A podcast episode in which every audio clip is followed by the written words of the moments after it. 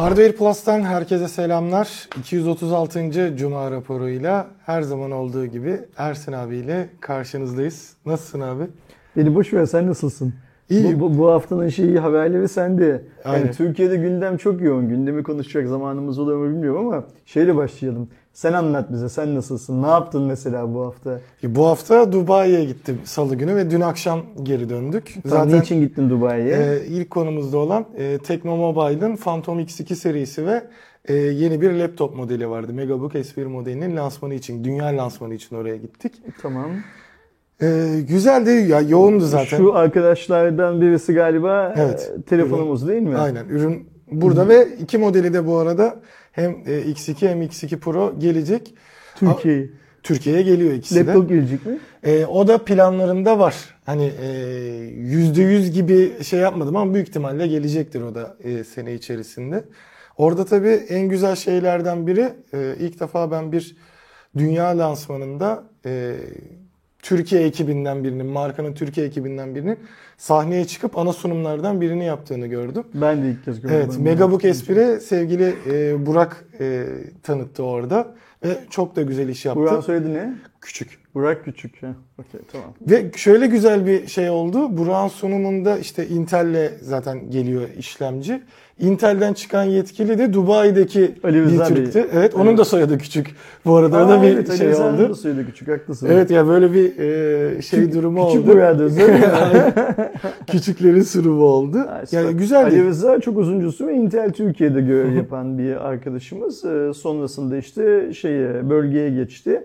Galiba 4 yıldır 5 yıldır falan şeyde Dubai'de yaşıyor. Sorumluluk alanı sadece Türkiye değil başka başka ülkelerde var. Ee, ama Intel'e boş verelim. Biz Burak'tan şey yapalım ne derler yürüyelim. Büyük gurur değil mi gerçekten? Kesinlikle hani çok farklı böyle e, hissettirdi. Hem de güzeldi de yani sunumda bir sorun olmadı, bir sıkıntısı olmadı. Her ne kadar hani global sunumu olmasına rağmen e, bir iki sıkıntı şey oldu böyle ufak tefek sıkıntıları oldu e, lansmanın genelinde. Ama Burak valla ağzına Şimdi sağlık bak, çatır çatır Ne anlattı. kadar güzel. Biz geçen yıl Oppo'nun Türkiye'de uluslararası bir lansman yaptığına şahit olduk yenisi de geliyor. Haberlerde var zaten. Yani yenisi geliyor mi? Bir sonraki yapılacak. Evet. Türkiye olup olmaması da anlamında değil. Sonra Huawei Oppo'nun yaptığından daha geniş katılımlı bir tane şey yaptı Türkiye'de. Ne derler? iş yaptı. Bunların hepsi ilkler arasında. Yani ilkini Oppo mu yaptı, Huawei mi yaptı bilmem ne falan çok önemli değil. Oppo'nunki daha küçük katılımlıydı. Huawei'ninki daha büyük katılım. Ama önemli olan şey neydi? İkisi de dünyada ilk kez Türkiye'de yapıldılar. Çok önemliydi. Şimdi dünyada ilk kez global bir lansmanda Türkiye'de markada çalışan bir arkadaşımızın çıkıp sunum yaptığını gördük. Evet. Bence çok güzel şeyler. Bunlar oldukça eee, bizim yaptığımız işin değeri de daha çok anlaşılacak. Bizi izleyen insanların değeri de çok çok daha anlaşılacak. İşte bu hmm, Oppo'nun lansmanını İstanbul'da yapmaya, Huawei'nin lansmanını İstanbul'da yapmaya ikna edenler, e, Burak gibi dünya lansmanında çıkıp sunum yapmakla görevlendirilenler, yurt dışındaki insanlara Türkiye'nin sosyoekonomik durumunu daha iyi anlatacaklar. Diyecekler ki yeri geldiğinde e, bak Samsung Türkiye'de özel fiyatlama yapıyor. Bazı ürünlerini vergiden arındırdığımız zaman dünyanın hiçbir ülkesinde satmadığı kadar ucuza satıyor. Dikkat et vergiden arındırdığımız zaman. Ee, yani ben bu ürünü 900 dolara, 700 dolara, 600 dolara Dubai'de satıyorum. Türkiye'de niye daha ucuza satayım diye bakmıyor Samsung. Bazı ürünlerini satıyor. Bizim de böyle atraksiyonlar yapmamız lazım diyecek bu insanlar. Ve e, etkinliği İstanbul'da yapalım diyen Oppo yetkilisine, etkinliği İstanbul'da yapalım diyen Huawei çalışanına sen gel bizim sunumda e, global sunumda lans, lansmanda e, sunum yap diyen Burak'a diyen kişiler filan bu talepleri dinlemek zorunda kalacaklar. Hatırlar mısın bilmiyorum Aydoğan. E, bundan çok yıllar önce e, Samsung MENA Forumu e, ilk kez Antalya'da yapmıştı. E, o zaman ben o MENA Forum'a davetliydim. E, gitmiştim. Ve her ne kadar Samsung Türkiye te- çok dile getirmese de Samsung Türkiye MENA grubuna bağlı. Yani hiç öyle e, Avrupa toplu Avrupa'ya falan bağlı değil yani. yani Orta Doğu'ya bağlıyız Türkiye olarak. Ve Samsung hani hep Türkiye'de şey der ya o zamanlar derdi hala diyordur büyük bir ihtimalle. Biz Türkiye olarak çok önemliyiz. İşte Tier 1'deyiz. İngiltere'den daha önce bizde çıkar ürünler. Biz işte notları dünyada en çok satan bilmem kaçıncı ülkeyiz zıvır zıvır filan filan. Orada MENA grubunun yetkilileriyle konuşurken, tanışırken, muhabbet ederken dikkat ettim ki hepsi kuvvetli. Bu arkadaşların. O zamandan bahsediyorum. Ama hepsi kuvvetli. Ee, hepsi çok iyi eğitimler almışlar. Ee, aksanlarından filan Amerikalı İngilizce öğrendikleri çok net belli. Büyük bir tane eğitimleri de oradadır. Ama kuvvetli. Sonra döndüm ee, Samsung Türkiye ekibinden birisine. Dedim MENA grubunda herkes kuvvetli. Doğru mu anlıyorum? Aa evet evet dediler. MENA'nın başında bir kuvvetli beyefendi var. Yani MENA grubunun bölgenin başında yöneticisi bir kuvvetli beyefendi. Ve bu adam hep kuvvetli seçiyor Hı, kendi ekibini, bölgede kendi çalışacak ülkesinde. olanlarını. Bak kuvvetlinin yaptığını o zaman Samsung Türkiye yöneticine de söylemiştim. Eğer biz bu kadar kuvvetliysek ülke olarak, satış olarak, pazar olarak, tier 1'deysek bilmem ne filan o zaman bölgeyi de Samsung Türkiye'nin çok başarılı olan yöneticilerinin yönetmesi lazım bence. Yani bu cep telefonu, televizyon, beyaz eşya önemli değil. Sonuçta Samsung'un MENA diye bir bölgesi var. Değil mi? Şurada. Bölgenin merkezi niye orası olsun? Dubai ya da Kuveyt olsun. Doğru. Türkiye, Türkiye'deki çalışan insanlar o şeyi ayrı tutuyorum. Biz over talented'iz, talented'iz Samsung için diyen götü kalkıkları ayrı tutuyorum. Türkiye Samsung'da çalışan bölgeyi yönetebilecek adam mı yok? Vardır tabii. Türkiye'de hadi diyelim ki Samsung'da yok. İstense Türkiye'de e, o kalifikasyonda adam bulunamaz mı yönetici olarak? Yani bu dönemde mesela Avrupa'da ya da işte MENA bölgesinde üst düzey yönetici olan birçok markada birçok Türk Aynen insan öyle var. yani hani bu söylediğim şey 5 yıl 6 yıl önce olan olaydan bahsediyorum. Şimdi Samsung gibi bir marka eğer ben çok büyüğüm yani büyüğümden kastım ben Samsung Türkiye olarak çok güçlüyüm. Samsung ekosistemi içinde bile beni parmakla gösteriyorlar filan diyorsa o zaman şunu yapması lazım bence. İşte o bölge merkezini Türkiye'ye getirmesi lazım. Bölgeyi Türklerin yönetmesi lazım. Türkiye'de bunu yönetebilecek bizim profesyonellerimiz yok değil, var. Şimdi lafı do- do- epey dağıttım ama arkadaşlar ne söylemek istediğimi anladılar. Böyle böyle Oppo, Huawei, işte Tekno, bak dikkat edin bunların hepsi Çinli markalar. Böyle böyle. Keza biz daha önce Xiaomi Türkiye'den İrfan Bey'in e, bölgeye e, çok Türkiye'ye nazaran çok daha yukarıda bir görevle gittiğini de biliyoruz. Bir yığın başka başka arkadaşımızın Türkiye'den başka görevlerle yurt dışına gittiklerini, sorumlu olduklarını biliyoruz. Ya burada Ee, olup bölgeden Ali Rıza- sorumlu olanlar var. Ali Rıza işte Intel'de bunlardan Orada bir birisi. e, bir beyefendi daha vardı. Mesela hani e, Ali Rıza Bey'le beraber çalışan falan. Hani oradan mesela yönetim kanadında çok fazla anladığım kadarıyla Türk de var. Böyle ola ola işte Buraklar çıkıp sunum yapa yapa global lansmanlarda birileri Huawei'yi, birileri Oppo'yu gelin etkinliğinizi Türkiye'de yapın diye diye bu iş bizler için çok çok daha iyi olacak. Ve ben eminim bu işin sonunda hep kazanan e, Türk halkı olmak zorunda. Hep kazanan Kesinlikle. Türk halkı olmak zorunda. Muazzam bir guru. Sen oradan hemen bir fotoğraf paylaştın. Ben de o fotoğrafı hemen anında sosyal medyada paylaştım. Burak'ı tebrik edelim. Kesinlikle. Yani Tekno'nun yaptığı bu lansman işte Phantom X2 ürünleri özeli de değil. Genel anlamda Burak'ı tebrik etmek lazım. Çünkü Tekno sonuçta Türkiye'de yakın zamanda kurulmuş bir Evet. marka. Ben her ağzımı açtığım zaman ben bu markaya çok önem veriyorum. Sadece buna değil işte TSE ile bilmem neye falan filan diyorum ayrı mevzu ama Türkiye'deki geçmişi 10 yıllık bir marka değil yani şunu söylemeye çalışıyorum. Burak 10 yıllık bir tekno çalışanı değil. Evet. Ama şirket kurulduğu günden beri benim bildiğim kadarıyla yani Türkiye'de şirket kurulduğu günden beri ilk işe gibi alınanlardan bir tanesi. Ve işte bu süre zarfında demek ki bağlı bulunduğu yöneticileri e, ne kadar etkilemiş ki Burak sen gel İstanbul'dan kalk Dubai'ye gel oradaki bizim global lansmanda şu ürünün sunumunu, laptopun sunumunu sen yap demişler. Bu süper, çok güzel bir şey. Tebrikler Burak. İnşallah bu burada kalmaz. Umarım. Ee, ve tabii bizim burada şimdi bir te- tez canlıyız ya Türk olduğumuz için. Hemen bir şey beklentimiz de oluyor. Burak eğer şirket içinde bu kadar şey olduysa kanlandıysa hani balıklar için yağlandı derler ya hani yağlandıysa böyle O zaman Burak'ın şimdi Türk insanının şeyine, lehine bazı kararlar alınmasında hemen aktif rol oynamasını bekleriz biz. Ama bu işler bu kadar kolay değil. Onu da unutmamak lazım. Yani hani Burak ya da Burak benzeri bir arkadaşımız söyledi diye merkezdekiler hemen onu dikkate almazlar. Bu işler böyle hani o cennetin kapısını çalmak gibi yüz kere çalacaksın kapı bir kere açılacak e, formunda olan hikayeler. Çok güzel. Ben çok sevindim Burak'ı orada gördüğüme. Ben Sen bize şeyden bahset şimdi. Genel anlamda etkinlik nasıldı?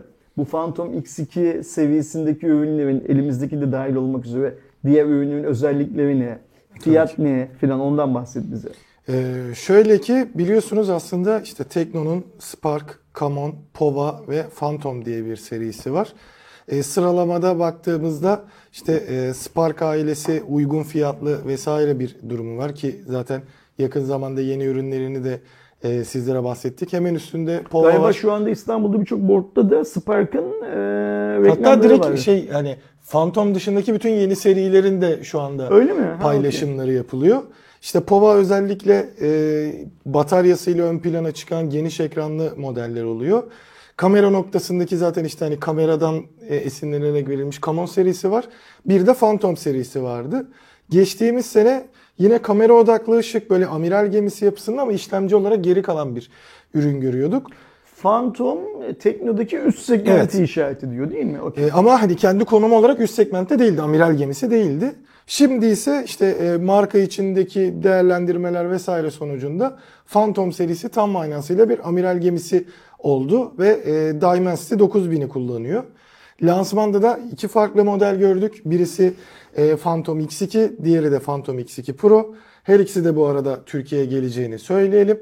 E, baktığımızda özellikle kamera noktasında ve malzemede bir değişiklik var. Çünkü kamera noktasında örneğin işte bizim de elimizde olan turuncu rengi bulunan Phantom X2 Pro'da 2 adet 50 megapiksel kamera var. Portre kamerası hareket edebiliyor. Tıpkı e, bizim DSLR ya da dijital kameralarda olduğu gibi 2.5x aldığınızda fiziksel bir yakınlaşma da yapıyor. Bu açıdan e, çok vurgulandı orada. E, Ama fa- bu cihazın tek özelliği o değil. O çok önemli. Tabii ki. Ama mesela işte turuncu rengini eco-friendly dediğimiz çevreye duyarlı bir yapısı var. Arkası plastik ama tamamıyla geri dönüştürülmüş e, plastiklerden Ve oluşturulmuş hissi bir böyle çok şey. Sanki kumaş plastik Evet arası evet bir şey böyle gibi. bir güzel de bir hissiyat yapmışlar. O açıdan önemli. Vurguladıkları ekrandaki kavisin işte 71 derece olduğu ve e, yapılan çalışmalarla hani o işte kavisli ekranları sevmeyen insanlar da var. Benim elim değiyor vesaire.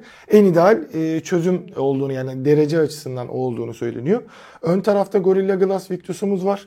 İşlemcisi Dimensity 9000. Sadece hani o noktada ufak bir eleştiri olabilir. Çünkü 9200 duyurulduktan sonra ve böyle 2023'e yakın bir dönemde olduğu için belki orada o tercih edilebilirdi ama Türkiye pazarı açısından baktığımızda Dimensity'nin en üst işlemcisiyle gelen e, herhangi bir sürpriz olmazsa ilk cihazlar bunlar olacak.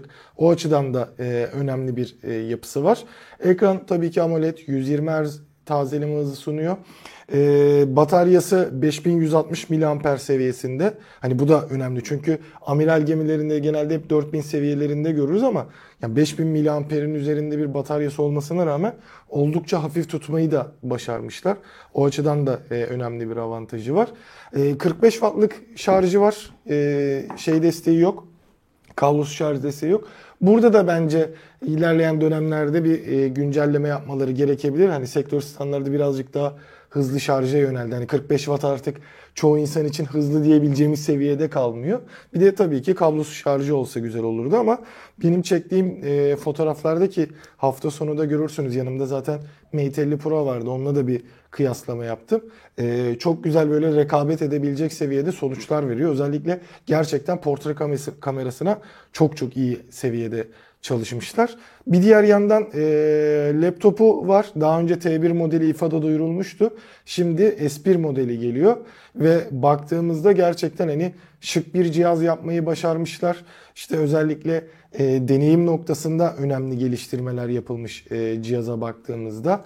İşte 120 Hz'lik bir ekranı var, 6 adet hoparlörü var. E, onu da hepsini işte biraz önce söylediğimiz gibi e, Burak sunumunu yapmıştı. Görünürde gayet güzel bir cihaz.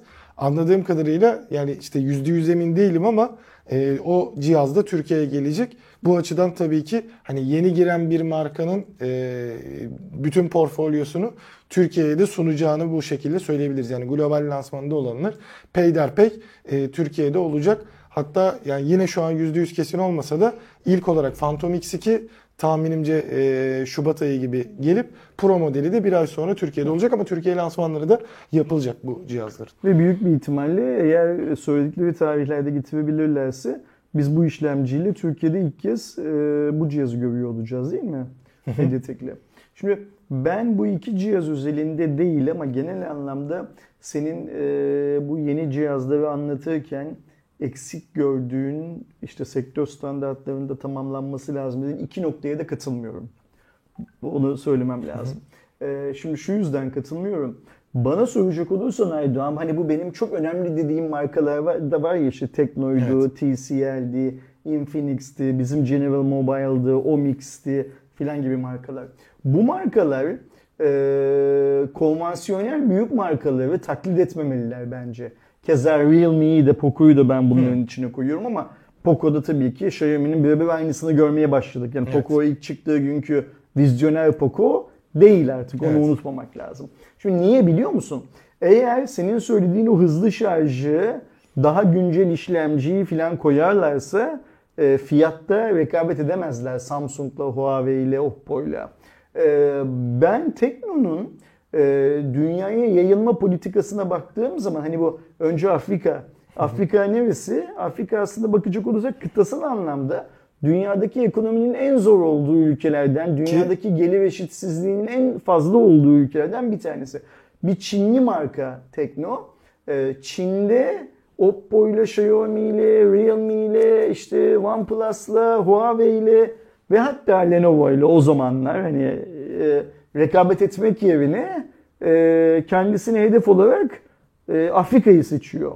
Ve Afrika'da bir anda e, o kadar güzel ihtiyacı yönelik ürünler üretmeye başlıyor ki belki bu ürünlerin bir kısmını biz Türkiye'de vakti zamanında incelemiş olsaydık bir yığın arkadaşımız standart çöp, çöp yorumlarını yapacaktı.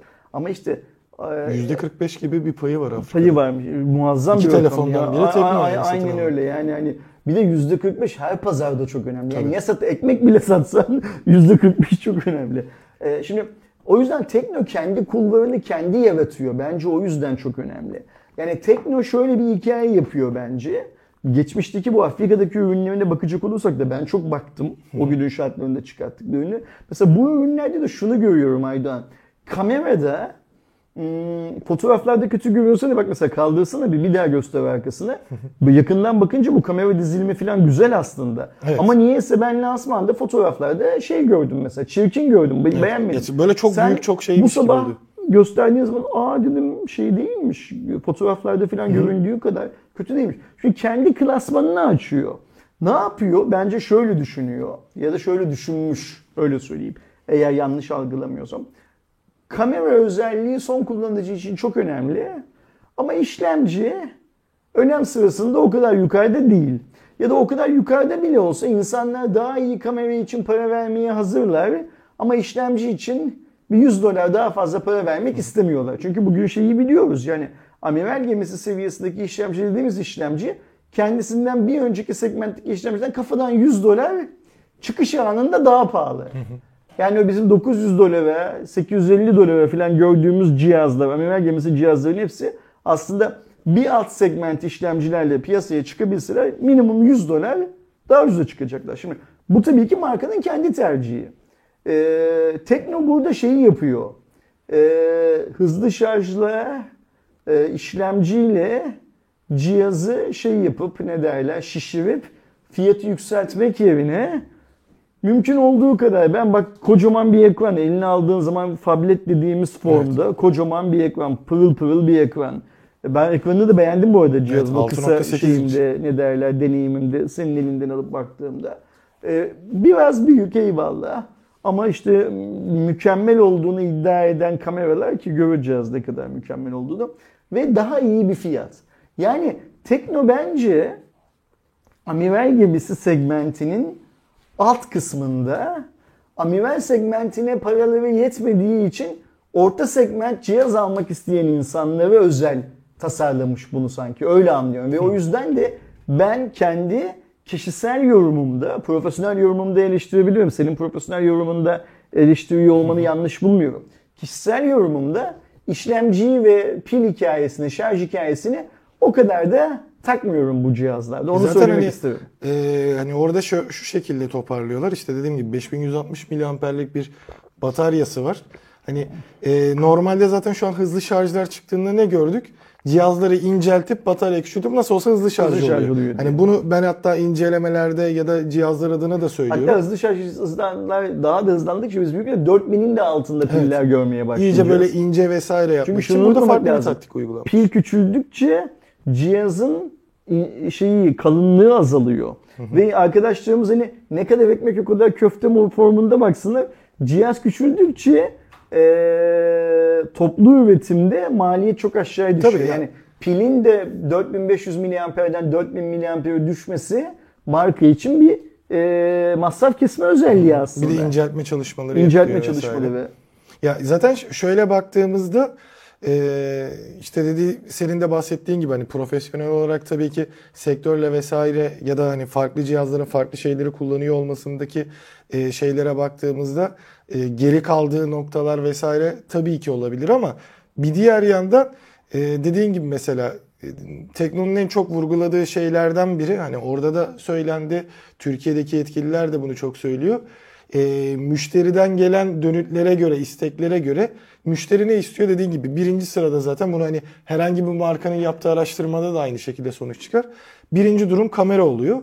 İkinci durumda sürekli baktığımız için ekran durumu oluyor. İşlemci noktasında evet şu anda Dimensity 9200 çıktı. Burada 9000 kullanılmış. Hani e, teknik açıdan geçen senenin işlemcisi denilebilecek bir formda kalıyor çıktığı dönemi geçen itibariyle. sene değil 2022'nin Aynen hani e, Türkiye'ye 2023'te geleceği için diyorum. İşte Ama şimdiden bunu belirtmeden sonra 2021'in zannedenler ha, çıkıyor. Yok ya bu sene çıkan bir e, işlemci, sene başında çıkan bir işlemciydi. E, ama baktığımızda da hani e, hep şeyi de söylüyordu işte e, 8 Gen 1'i koyalım, işte Exynos'un 2100'ünü koyalım, e, Dimensity 9000'i koyalım, 9200'ü koyalım, 8 Gen 2'yi, 8 Plus Gen 1'i falan. Hepsi evet hani be- belli bir noktada üst tarafa çıkıyor. Hatta işte 8 Gen 2 büyük ihtimalle A16'yı da geçecek vesaire durumları söyleniyor. Ama tüketici bazında, kullanıcı bazında zaten ne istiyorsun? Oyunu güzel oynatsın. E tamam zaten oyunu güzel oynatabiliyor. E, ısınmasın. E, Dimensity zaten o konuda şey yani kullanıcının 8 Gen 2'ye ya da işte 9200'e geçtiğinde dediğin gibi hani 100 dolar 200 dolar artık ne kadar bir fark olacak onu aldığında e, onu etkileyebilecek ya aa iyi ki ben işte 200 dolar daha fazla verip 9200'e geçmişim dedirtebilecek bir şeyi de yok zaten kendi aralarında fark baktığımızda. Onlar tercihini o yönden kullanmış. Kötü de bir şey değil. e, durum değil bence de bu noktada. Hani o açıdan bir şeyi de e, var. Sadece hani e, baktığımızda yani şıkta bir telefon yapmışlar ki ilk Phantom da çok şık bir telefondu. E dediğimiz gibi hani kamerası da şey ki elinize aldığınızda kullanmaya başladığınızda falan evet hani o aslında o kadar da şey değilmiş durumu oluyor ama ilk görenlerin hepsi hani ne kadar büyük kamera kullanmışlar durumu oluyor. İlk çektiğim durumlarda da şey var ama şunu da baştan söylemiş olalım. Hani videoların girişinde de söyleyeceğim. Buradaki kamera performansıyla Türkiye'deki kamera performansı arasında bir fark olacak. Nasıl Ee, olacak? bu da hani kötü manada demiyorum. Yazılım noktasında Afrika, global ve Türkiye için e, ayrı yazılım. Yani Türkiye'deki yazılım Türkiye'deki kullanıcılara göre burada ayarlanıp Ne yapılan bir durum. Neymiş? Örneğin kamerada şey var. E, Afrika'daki e, kamera yazılımıyla globaldeki da Türkiye'deki bir değil. Çünkü e, Afrika'daki kullanıcılar daha çok siyah tenli olduğu için Ha, e, okey. ona göre bir renk düzenliği ya da işte Güzel. parlaklığı ona göre ayarlıyorlar. Biz daha Çünkü önce herhangi bir markadan böyle bir şey duymadık Yok, galiba. Hiç duymadık. Çünkü Afrika'daki kullanıcılar da şeyi istiyormuş. Hani e, özellikle işte karanlık durumlarında kendileri çok Haklılar. karanlık çıktığı için Haklılar. onun bir ayarlı ama sen onu Türkiye'deki beyaz tenli Anladım. bir insana yaptığında insana patlıyor olacak. Güzel fikir. Ona göre düzenlemeler Güzel fikir. e, oluyormuş ve hatta Türkiye'de sadece Türkiye'de bulunan Yani ekstra düzenlemeler de yapılıyor. Bu şey gibi anlamak lazım bunu. Hani e, soğuk ülkelere giden cihazların soğuğa, sıcak ülkelere giden cihazların Otomobillerde siyah vesaire de karşı bunu. mukavemeti daha güçlendiriyor ya bu laptoplarda da böyle cep telefonlarında da böyle otomobillerde tabletlerde falan da böyle. Şimdi şey Tekno insanların e, derilerinin rengine göre de bulundukları coğrafyalara özel yazılımda e, ne demek lazım buna? Geliştirmeler, optimizasyonlar, Aynen, aynen, aynen. optimizasyonlar yapmayı Yerelleştirme bile denebilir aslında şey için. vaat etti öyle mi? Çok güzel. Bence bu ne derler? Başarılı bir hareket. Yani Kesinlikle. hele tekno gibi biraz önceki dünyaya açılışını Afrika üzerinden yapan bir ülke için eğer Afrika'daki insanların böyle bir talepleri varsa ki çok mantıklı olması e, keza Arapların da böyle bir talebinin olması falan çok mantıklı. O zaman buna karşı bir çözüm geliştirmesi gayet iyi bir şey. Kesinlikle yani o e, tarafı da olacak ki benim çektiğim fotoğrafların çoğunda e, stabilizasyonuna mesela hayran kaldım. Yani normalde birçok cihazda var e, artık stabilizasyon özelliği amiral gemisinde. Ama onu açtığında genellikle 1080'e vesaire düşer. Burada 4K 30 FPS'teyken stabilizasyonu açıyorsun ve çok hafif tabii ki bir crop durumu oluyor bu. Başka türlü yapılabilecek bir durum değil hani sensörden ziyade ve çok güzel içerikler çıkardı. Benim gördüğüm kadarıyla Türk halkı dünyada selfie'yi en çok seven halklardan bir tanesi haline geldi. Yani bizim sadece kendi fotoğraflarını selfie gibi başkalarına çektirerek influencer olan arkadaşlarımız var. farklı farklı şeylerde platform. Arkadaşlarımızdan kastım tanıdığım ettiğim adamlar değil. Yani benim de şeyde ne derler e, Instagram'da karşıma düştüğü için görüyorum. Ya da şimdi YouTube'un YouTube'un shortslarında falan çok sık görüyorum. Bu oynayabilen e, selfie kamera hikayesini yani DSLR makinelerdekine benzer modülün sonuçlarını eğer Türk halkına tekno iyi anlatmayı başarırsa yani bariz örneklerle anlatabilirse e, şimdi mesela selfie kamerası benim için şey değil çok önemli bir e, teknik detay değil. Benim kullandığım telefonlar arasında hiç selfie kamerasını açmadığım e, telefonlar vardır büyük bir ihtimalle. E, o yüzden ama bir kısım insan için de çok çok önemli. O çok çok önemli olanlara epey bir şey ifade edebileceğini Evet, düşünüyorum ben de. Bence gayet Ve bir de iyi bir fiyatlama işte iş burada Burak'ın elini öpüyor biraz da. Türkiye için bir de iyi bir fiyatlama olursa ver mehtebi durumuna Kesinlikle. geçebiliriz. Hani merakla artık Türkiye'deki lansmanını bekliyor olacağız ki Türkiye fiyatlarını görelim. Ee, orada açıklanan fiyatlara da baktığımızda hani tabii ki e, dirhemle açıklandı ama altında yaklaşık bir e, dolar bazındaki şeyi vardı.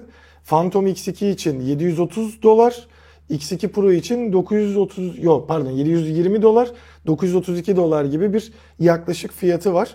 Ama e, işte Türkiye'de de e, güzel bir çalışmaya başladıklarının da sinyalini aldım ben. e, o Öyle mi? tarafta. Konuşuldu mu bu? Evet yani İyi. e, be- direkt böyle yani en azından bize söylenen e, teknodaki yetkili arkadaşların hepsinin söylediği şey bu sahnede gördüğünüz fiyatlarda ne dirhemi ne doları çevirip hani klasik bir işte bizim de yaptığımız bir hesaplama var. O şekilde yapmayın çünkü e, yanılırsınız diye bir şeyi aldım. Süper, çok güzel. İnşallah ürün piyasaya çıktığı zaman kur daha yukarıya Aynen. gitmemiş olur. Ee, en azından bu seviyelerde kalmış olur. Biz de e, iyi ve fiyat performans ürünü Türkiye'de görüyoruz. Çünkü Türkiye'de bir süreden beri e, tamam e, fiyat performansta fiyat tek başına bir etken değil ama insan tabii ki fiyat performans ürünü seçerken fiyatı da bakmak zorunda. Ve çe- seçebileceğimiz çok fazla ürünle karşılaşmıyoruz. İnşallah bu yeni Phantom X2'ler e, bizim karşımızda. Hani Pro'su biraz zor ama e, baz modeli belki bir fiyat performans cihazı olarak çıkar. Yani ki Türkiye'deki eğer dedikleri gibi yani güzel bir fiyatlandırma olursa hani Phantom X2 amiral gemileri arasında e, uygun fiyatlı diyebileceğim bir tercih. E, durumuna geçerse Pro modeli. X2 de direkt zaten şu anda piyasadaki orta üst e, segmentin rakibi olup orada da mesela performans açısından en iyi cihaz olma e, ihtimali var. Bakalım göreceğiz ama gayet şeydir. Bu haberi böyle bitirdik galiba. Hayırlı olsun. Sana da gittin geldin. Sağ ol. Geçmiş olsun. E, Yorgunluğuna değmiştir inşallah diyelim. E, bir sonraki habere geçmeden önce sana bir şey sormak istiyorum. Tabii. Coğrafya kader midir sence? Kesinlikle. Hangi anlamda? Ya birçok noktada mesela benim orada e, şaşırdığım İbni, İbni Haldun'un sözü galiba değil mi bu coğrafya kaderde? şey tam bilmiyorum. Hani e, sahibi kim bilmiyorum e, şeyin de. Orada da evet yaşadığımız bir şey vardı. E, farklı bir durum vardı. E, Dubai Mall'a gittik. E, lansmandan sonra hani hem bir gezmiş olmak için hem alışveriş yapmak isteyenler vesaire şeyi vardı. E, orada da yaşadığımız şeylerden biri e, işte ben Dubai'deki teknoloji fiyatlarını şey yapacaktım ki e, videosunu çekerken hani güvenlik gelip e, çekilmemesi gerektiğini acilen silmem gerektiğini de söyledi. E, daha sonrasında Tolga da çekim yaparken bir şey geldi, güvenlik geldi ve işte onu hemen silin, silinenlerden de silin işte yasak vesaire. İlk adamın o hengamesinden şeyi anlayamadık hani sorunun ne olduğunu. Sonuçta hani farklı bir şey yapmıyoruz, içerik üretiyoruz. Daha sakin olan bir de durumu kavramış olan e, şefi gelince şeyi anladık hani Dubai'de ya da Birleşik Arap Emirlikleri'nin tamamında e, açık alanda yani açık dediğim kamuya açık alanların herhangi bir yerinde e, sosyal medyada paylaşmak üzere çekimin yapılması yasakmış. Yani sen paylaştığında suç teşkil ediyor. Allah Allah. Evet. Yani mesela atıyorum eee, dünyanın en yüksek binası denilen binanın fotoğrafını çekip paylaşmak. Onlarda çok problem değil ama özellikle insan çıktığı anda ya da hani mesela gidip ürünü çektiğinde şey yok. Ama işte bizim buradaki gibi gidip e, selfie çekerek video çekmek, e, işte dolaşırken böyle etrafı göstermek vesaire gibi bir durum. E, ha, mesela. E, Yani Araplar mantıklı. burada selfie çubuğuyla dolaşıyor Doğuş'un söylediği gibi. Evet.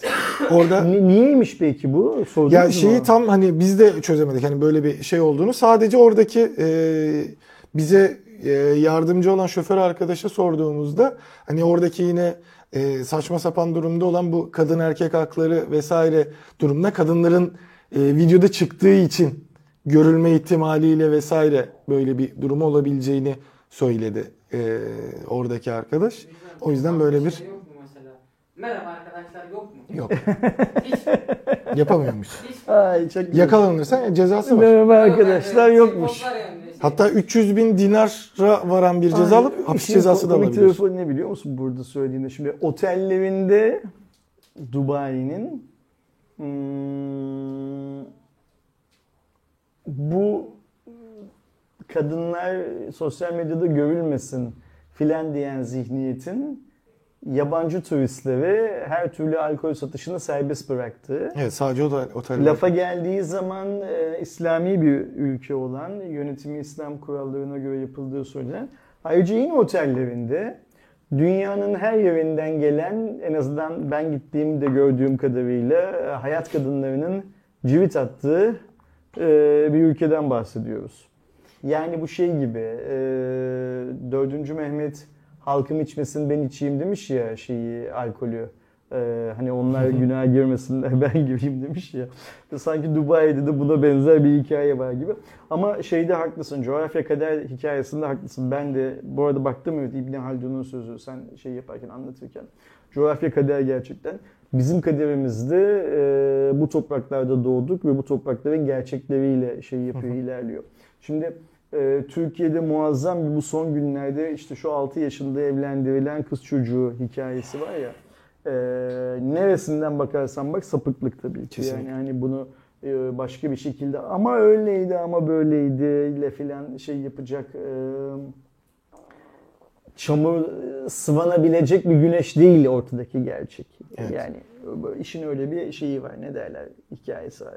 Ama coğrafya kader hikayesinde daha başka bir şey var Aydoğan bak şimdi. Adamın biri kalkıyor bundan yaklaşık 100 yıl kadar önce bu tarikatların marikatların ne menem pislikler olduğunun farkına varıp bunların tamamını tekkeyi, zaviyi, tarikatları, ıvır zıvır falan her şeyi kapatıyoruz diyor değil mi? Ve başka bir şey daha söylüyor. Hmm, Türkiye laik diyor. Başka bir şey daha yapıyor. Bu millet diyor cahillikten kurtulabilsin diye e, okuma yazmayı öğrenmeleri lazım filan diyor. Ve sen bu adamın öğretilerinden uzaklaştıkça boka batıyorsun ülkede. Evet. Öyle de bir gerçek var. Yani 100. yılın sonunda geldiğimiz noktada görünen şey bu. E, Neye batıyorsun? İşte 6 yaşındaki kız çocuğunun eee, bir herifle 29 yaşındaki bir herifle evlendirilmesine şahit oluyorsun. Niye buna şahit oluyorsun? Coğrafya olarak burada doğup büyüdüğün için şahit oluyorsun. Fransızın böyle bir derdi yok. Amerikalı'nın İngiliz'in böyle. Ha orada tabii şöyle bir şey var. Bu ruhban sınıfının hangi din olursa olsun ruhban sınıfının çocuklarla bir alıp veremediği var. Bunu kabul etmek lazım. Yani bu sadece bu anlamda bizim topraklarda olan bir hikaye değil. Kız ya da erkek çocuklarda bir dert var. O yüzden işte laiklik dünyanın her yerinde çok çok önemli. O yüzden Amerika'da, Fransa'da, İngiltere'de, kiliselerde, Türkiye'de Kur'an kurslarında, işte böyle tarikat evlerinde falan olan hikayelerin din ayağı mutlaka çıkıyor bir şekilde. Şimdi bizim hani bu coğrafya kadar deden şeye gideceğim. Şimdi şu an bunu konuşuyoruz. Geçen hafta şu üç harfli marketleri konuşuyorduk. Üç harfli marketlerden birisi kalktı. Ee, Sayın Cumhurbaşkanı'nın damadının kardeşi midir nedir ya da damadı mıdır onun e, yöneticisi olduğu gazeteye iki sayfalık reklam verdi. İş çözüldü. İş bitti gibi görünüyor şu anda. Yani iş iki sayfa reklam içinmiş sanki e, gibi görünüyor. Onu unuttuk. Ondan çok kısa bir süre önce Taksim'deki bombayı konuşuyorduk değil mi? Bo- Son 10 günden beri falan bomba bomba falan duydun mu? Hiç kimse bir şey duymuyor. Unuttuk. Ee, o kadar hızlı sürmenaj oluyoruz ki o kadar hızlı yeni yeni coğrafyadan kaynaklı konuların içine girip çıkıyoruz ki herhangi bir konuya odaklanma gücümüz kalmıyor Aydoğan. Ee, ve yine hatırlar mısın ben bundan 2-3 cuma raporu önce galiba bu 3F futbol fiesta şey demiştim, fado demiştim ya. Bunlar Türkiye'nin 3F'i olmaya başladılar. Yani biz sürekli e, insanları derinden yaralayan işte bu 6 yaşındaki kız çocuğunun başına gelen gibi bir olay. Sürekli Taksim bombacısı gibi içinden çıkılamayan bir aksiyon, bir terör eylemi. Sürekli bu üç harfli marketleri açılan savaş gibi bir Don Kişotluk. Kimin kimle savaştığının belli olmadığı bir Don Kişotluktan bahseder durumdayız. Ve bunların peşi sıra bitmiyor. Yani ortalama gündemleri 6 gün, 7 gün, 8 gün sonrasında hemen bir yenisi. Evet. Bir yenisi, bir yenisi. Bu kakofoninin içinde şeyle ilgilenemiyoruz. Sağlık sistemimiz, eğitim sistemimiz, ekonominin geldiği durum. Bu ülkedeki şu anda 10-15 yaşındaki çocukların 20-30 yıl sonra ne yapacağı filan filan gibi konularla ilgilenemiyoruz. Öyle bir şeydeyiz ki böyle pa- patinaj hikayesindeyiz ki e, ben sanmıyorum ki dünyanın başka yerinde ki coğrafyalarda doğan insanların kaderleri bu kadar gündemle, bu kadar gereksiz gündemle doldurulmuş olsun, dolduruluyor olsun.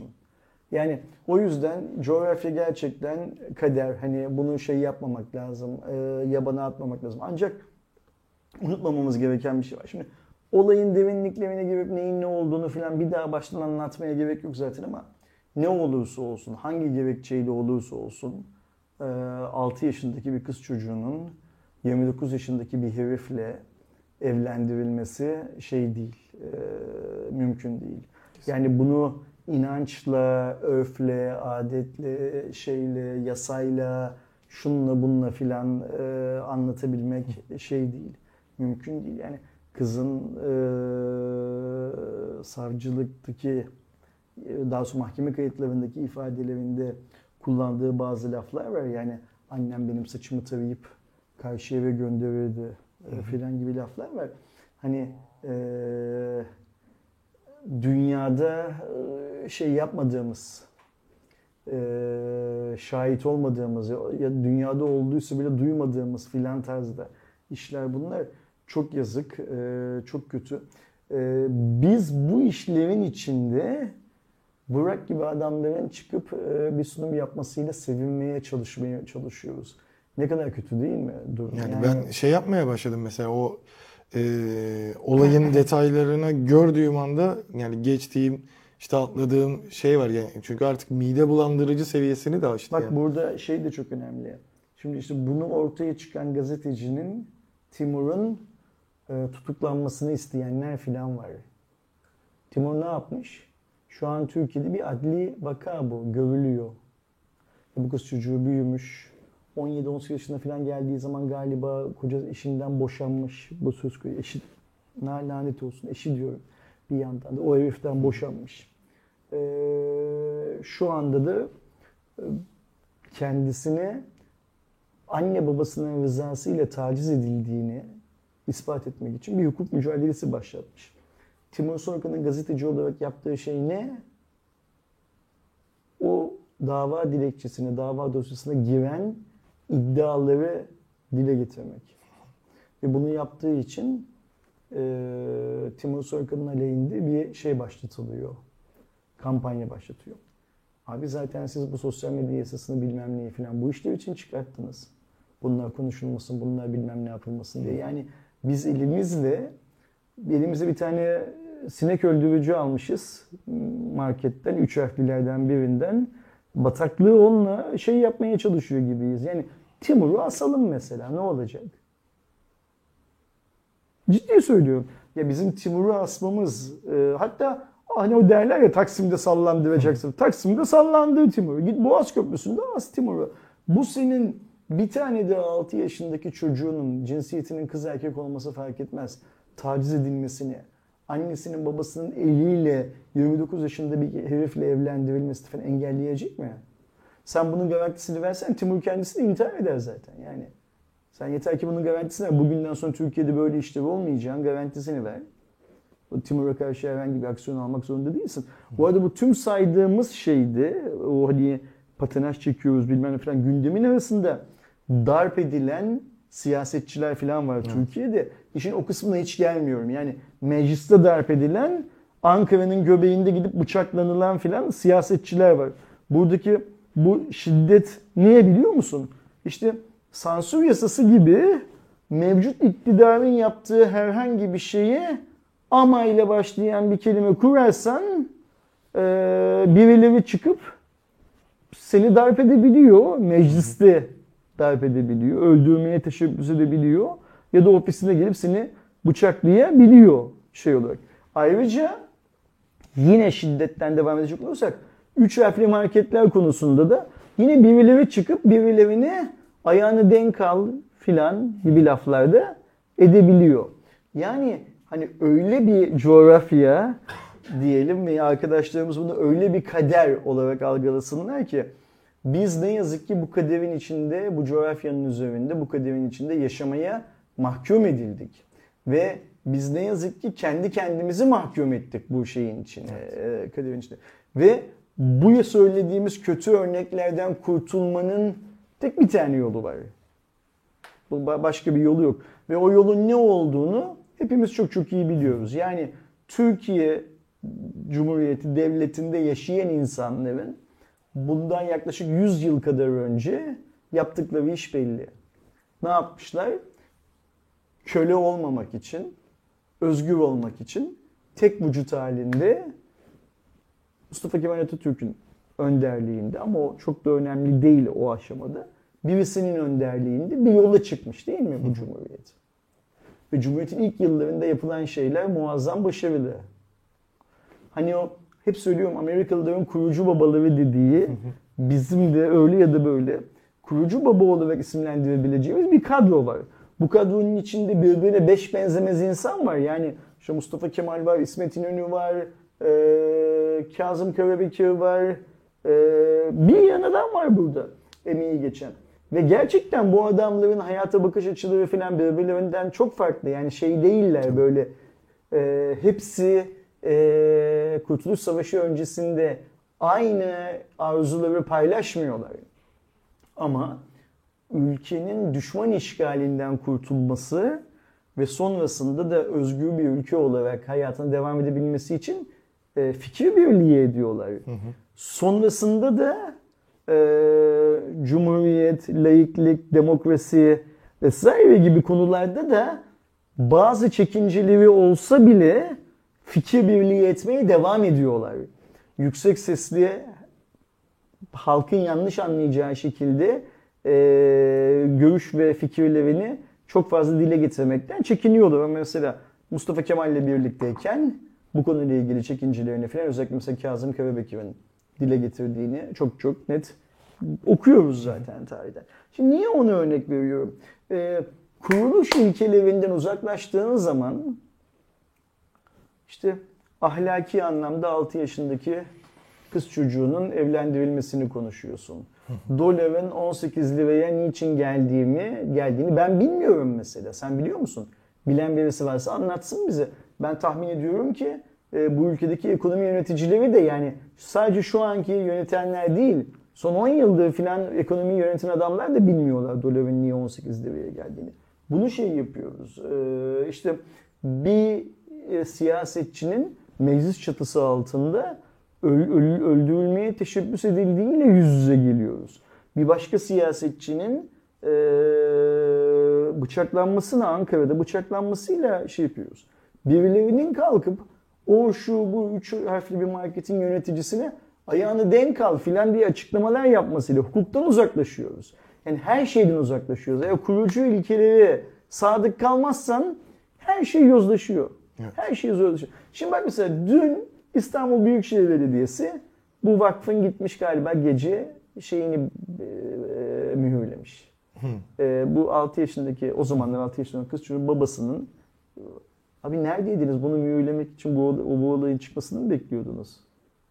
Ya bu olaya kadar zaten neler Yani neler oldu. niye mühürler İstanbul Büyükşehir Belediyesi? Öyle içeride yasa dışı yani yasa dışından kastım şunu kastetmiyorum. İşte fuhuştu, kumardı falan yani o binanın orada olmasıyla ilgili yasa dışı bir şey olması lazım. İmarsızdır. İşte içeride bir yemekhane varsa o yemekhane sağlık koşullarına uygun değildir. Hijyen sorunu var değil mi? Belediyenin görevi bununla alakalı. Belediye başka bir şey var. Şimdi bu sorun bir gecede mi oluştu abi? Yani. Oraya koca bina dikilirken e, hiçbir şey yapmamışsın. Şimdi e, bu konu konuşuluyor diye gitmişsin koşu koşu. Yani şunu anlatmaya çalışıyorum. Şövenizm nereden bakarsan bak aynı kötü şey. E, bu olaydan pay çıkarmaya çalışmak, prim kasmaya çıkar, çalışmak da komik bir hikaye. Bence kendisini Hmm, söyleyelim bunu kimseyi incitmeden ya benim kafam çalışıyor ve ben şu an yaşadığım bu coğrafyada şu an bana yaşatılanları hak etmiyorum diyen herkesin bu olaylara böyle bir adım değil bir iki adım geriye çekilerek bakması lazım. Ne oluyor ne bitiyor ya anlaması lazım ve hep şuradan yola çıkalım. Ee, niçin açız arkadaşlar? Niçin Tekno'nun Afrika'da bile satacağından emin olduğu telefon için Türkiye'de özel fiyat yapmasına ihtiyaç duyuyoruz, arzuluyoruz, buna seviniyoruz. Yapmasın abi kimse özel fiyat Türkiye'ye. Biz de Amerikalı kadar kazanalım, İngiliz kadar kazanalım. Onun aldığı gibi biz de alalım yani. Beni özel fiyata, beni indirime, beni kampanyaya mecbur etmeyin. Niye mecbur ediyorsunuz? Öbür adamın özel fiyata, kampanyaya bilmem ne ihtiyacı var mı? Beni vizeye falan mecbur etmeyin. Öbür adam buraya gelirken vizeye falan ihtiyaç duymuyor. Kapıda alıyor vizesini giriyor. O yüzden olaylara bu açıdan bakmak lazım ve şunu unutmamak lazım. Bu ülkeyi zamanında kurtaranlar bizden daha zor durumdaydılar. Ve bizden eee donanım olarak daha donanımsızdılar. O yüzden onlar bu işi yapabildilerse, onlar muazzam bir cumhuriyetin ilanından sonraki 20 yılı yaşayabildilerse, 100 yıllık tarihe baktığınızda da öyle bir 20 yıl var. Sonrasında başka bir şey kalmıyor geriye zaten. O zaman demek ki hani bu e, factory reset hikayesi, e, hani ben diyorum ya işte cep telefonum yavaşladı bilmem ne filan servise mi götüreyim bir reset at bir bakalım ne olacak filan diye. Bunun eski Windows'da da hani bir aç kapa düzelir muhabbeti vardır ya şey değil bizim çok geyiğini yaptığı, yaptığımız ve alay ettiğimiz hikaye. Ama işte gerekiyor. Şimdi burada önemli olan şey e, ben bu coğrafyada yaşatılan bana yaşatılan şeyleri hak etmiyorum. Ben daha iyisini hak ediyorum diyen adamların reset tuşuna e, basabilecek kadar cesur olup olmadıkları. Önemli olan şey bu. Evet. Şunu da söyleyeyim. Sonra Cuma raporuna güvenirim. Reset tuşu dediğimiz şey ne? Bizim vatandaş olarak ülkelerimize karşı, sadece Türkiye değil, tüm dünyadaki vatandaş ülkelerine karşı birbirinden farklı bir yerin görevleri var yapması gereken. Mesela vergi ödemeyenler var. Araplar bizim kadar vergi ödemiyorlar. Onlar yeni yeni hatta başladılar vergi ödemeye. Geçmişte hiçbir şey ödemiyorlar. Biz vergi ödüyoruz, askerlik yapıyoruz bilmem ne filan filan. Ve bir de bizi yönetecekleri, yönetecek olanları seçme hakkımız var. Bu anayasal hakkımız. Eğer bizi yönetenlerden memnun değilsek Yeni yönetici seçeceğiz. Yani apartmanı 9 numaralı Ahmet Bey yönetmek zorunda değil. E, apartmanın en eskisi olabilir, en yaşlısı olabilir. Aramızdaki kiracıların tamamı devlet memurudur, o emekli albaydır. Bilmiyorum ne olduğunu. Ama illa onun yönetmesi gerekmiyor. ne iş yaptığı belli olmayan giriş kattaki Ayşe Hanım da apartmanı yönetebilir ve Ayşe Hanım yönettiği zaman apartman daha mutlu ve mesut bir halde olabilir. Daha temiz olabilir, daha bilmem ne olabilir. Ya da beş çocuğuyla sürekli apartmanın içinde hu- huzursuzluk çıkartan bir başka aile de apartmanı şey yapabilir, yönetebilir ve mutlaka Ahmet Bey'den daha iyi yönetebilme ihtimalleri vardır. O yüzden yöneticilerimizi seçerken bize ne vaat ettiklerine bakarak seçelim lütfen. Reset tuşundan kastım bu. Yani alışkanlıkla değil. Bir insan anne babası Fenerbahçeli olduğu için Fenerbahçe'yi tutabilir. Bu anlaşılabilir bir şey. Ama işte oy verme yaşına gelmiş, aklı başında ben bu ülkede yaşadıklarımı hak etmiyorum, daha iyisini hak ediyorum diyebilecek kadar düşünen bir adam anne babası oy verdiği için herhangi bir siyasetçiye oy veriyor olmamalı bence. Ee, vicdanı hür, fikri hürdü değil mi? Aynen öyle. Ee, fikrinin hür olması için vicdanının da hür olması gerekiyor. Ee, ve biraz ee, nasıl söyleyeyim verdiğimiz kararların sorumluluğunu alabilecek yaşta olmamız gerekiyor artık. Doğru. Çocuk gibi sızlanıp sonra gidip aynı şeyleri yapmamamız gerekiyor. Ee, o yüzden 6 yaşındaki çocuğun cinsel istismarına da kadınların, hayvanların bu ülkede yaşamak zorunda kaldıkları hayatlara da mecliste kendi bürosunda darp edilen siyasetçilere de 18 lira olan kura da ee, eğer bir şey varsa, katakulli varsa üç harflilerin yaptığı katakulliye de ya da üç harfliyle marketler nezdinde kopartılan kıyamete de Taksim'de patlayan bombaya da itiraz edebilme gücümüz var. Bunların hiçbirisi olmasın diyebilme gücümüz var. Yeter ki bu güce sahip olduğumuzu aklımızdan çıkarmayalım. Kesinlikle. Sen devam et lütfen. Biliyorsunuz Xiaomi 13 serisi 1 Aralık'ta tanıtılacaktı ama e, Çin lideri, eski Çin liderinin e, ölümünden kaynaklı e, ertelenmişti. Şimdi de görünen o ki hem Mi Store uygulamasının hem de Weibo'da paylaşılana göre 2 gün sonra 11 Aralık'ta e, resmen tanıtımı yapılacak. Çin lansmanı yapılacak. Lansman yapılacak, tekrar dönecek lansman. Okey. Evet yani e, ya da belki de direkt satışa çıkmasıyla da olabilir. Yani belki artık o Okey. şeyi yapmazlar ama böylece e, 8 Gen 2'li e, cihazlarında en azından globalde hemen hemen her yerde olacağını bildiğimiz cihazları da göreceğiz. Bir diğer yandan Satışa çıkarsa ama şöyle bir şey var. Dünyada 8 Gen 2 ile ilk cihaz mı olacak bu çı- çıkarsa? ondan tam emin değilim. Bu süreçte yok. Gerçi galiba ilk olması lazım. Hala daha çünkü satışa çıkan bir durum yok. Motorola da paylaştı. Onların tarihini bilmiyorum ama e, şey olarak bir durumu var. Bir de e, bir ihtimal şu anda şey olan hani işte bir inçlik sensörle falan filan olacağı 13 Ultra için de konuşulmaya başlandı şeyler e, birçok noktada. Hani artık tabii ki e, daha yeni bir sensörü ve e, önemli kamera yapısıyla özellikle sabitlemede önemli geliştirmelerin olduğu vesaire konuşuluyor. Bunu da göreceğiz ama yani şu an için e, şu tarihte şöyle bir lansman şeyi değil de Çin'deki şeylerde gördük. Paylaşımlarda gördük 11'inde e, tüketicilere sunulacağına dair. Bu direkt satışta olabilir, bir lansmanda olabilir. Evet. Direkt diğerine geçtiğimde e, Sen geçmeden diğer haber ben şeyi söyleyeyim. Ee, benim öğrendiğim kadarıyla dahi Doğan Xiaomi e, 13'ün dünya lansmanını da MVC başlamadan bir gün önce Barcelona'da yapacak. Yani henüz resmi olarak şey yapılmamış, açıklanmamış. Ama standart hani biz bu pandemi öncesinde hep eski ne Xiaomi gördük? durumuna Yani dönüyoruz. Xiaomi'nin biti Çin'de kanlandıktan ve globale açılmaya başladıktan sonra edindiği bir adet vardı. E, MVC'ye katılmazdı. Ama MVC'den bir gün önce Barcelona'da hep aynı salonda o yılın amiral gemisinin lansmanını yapardı.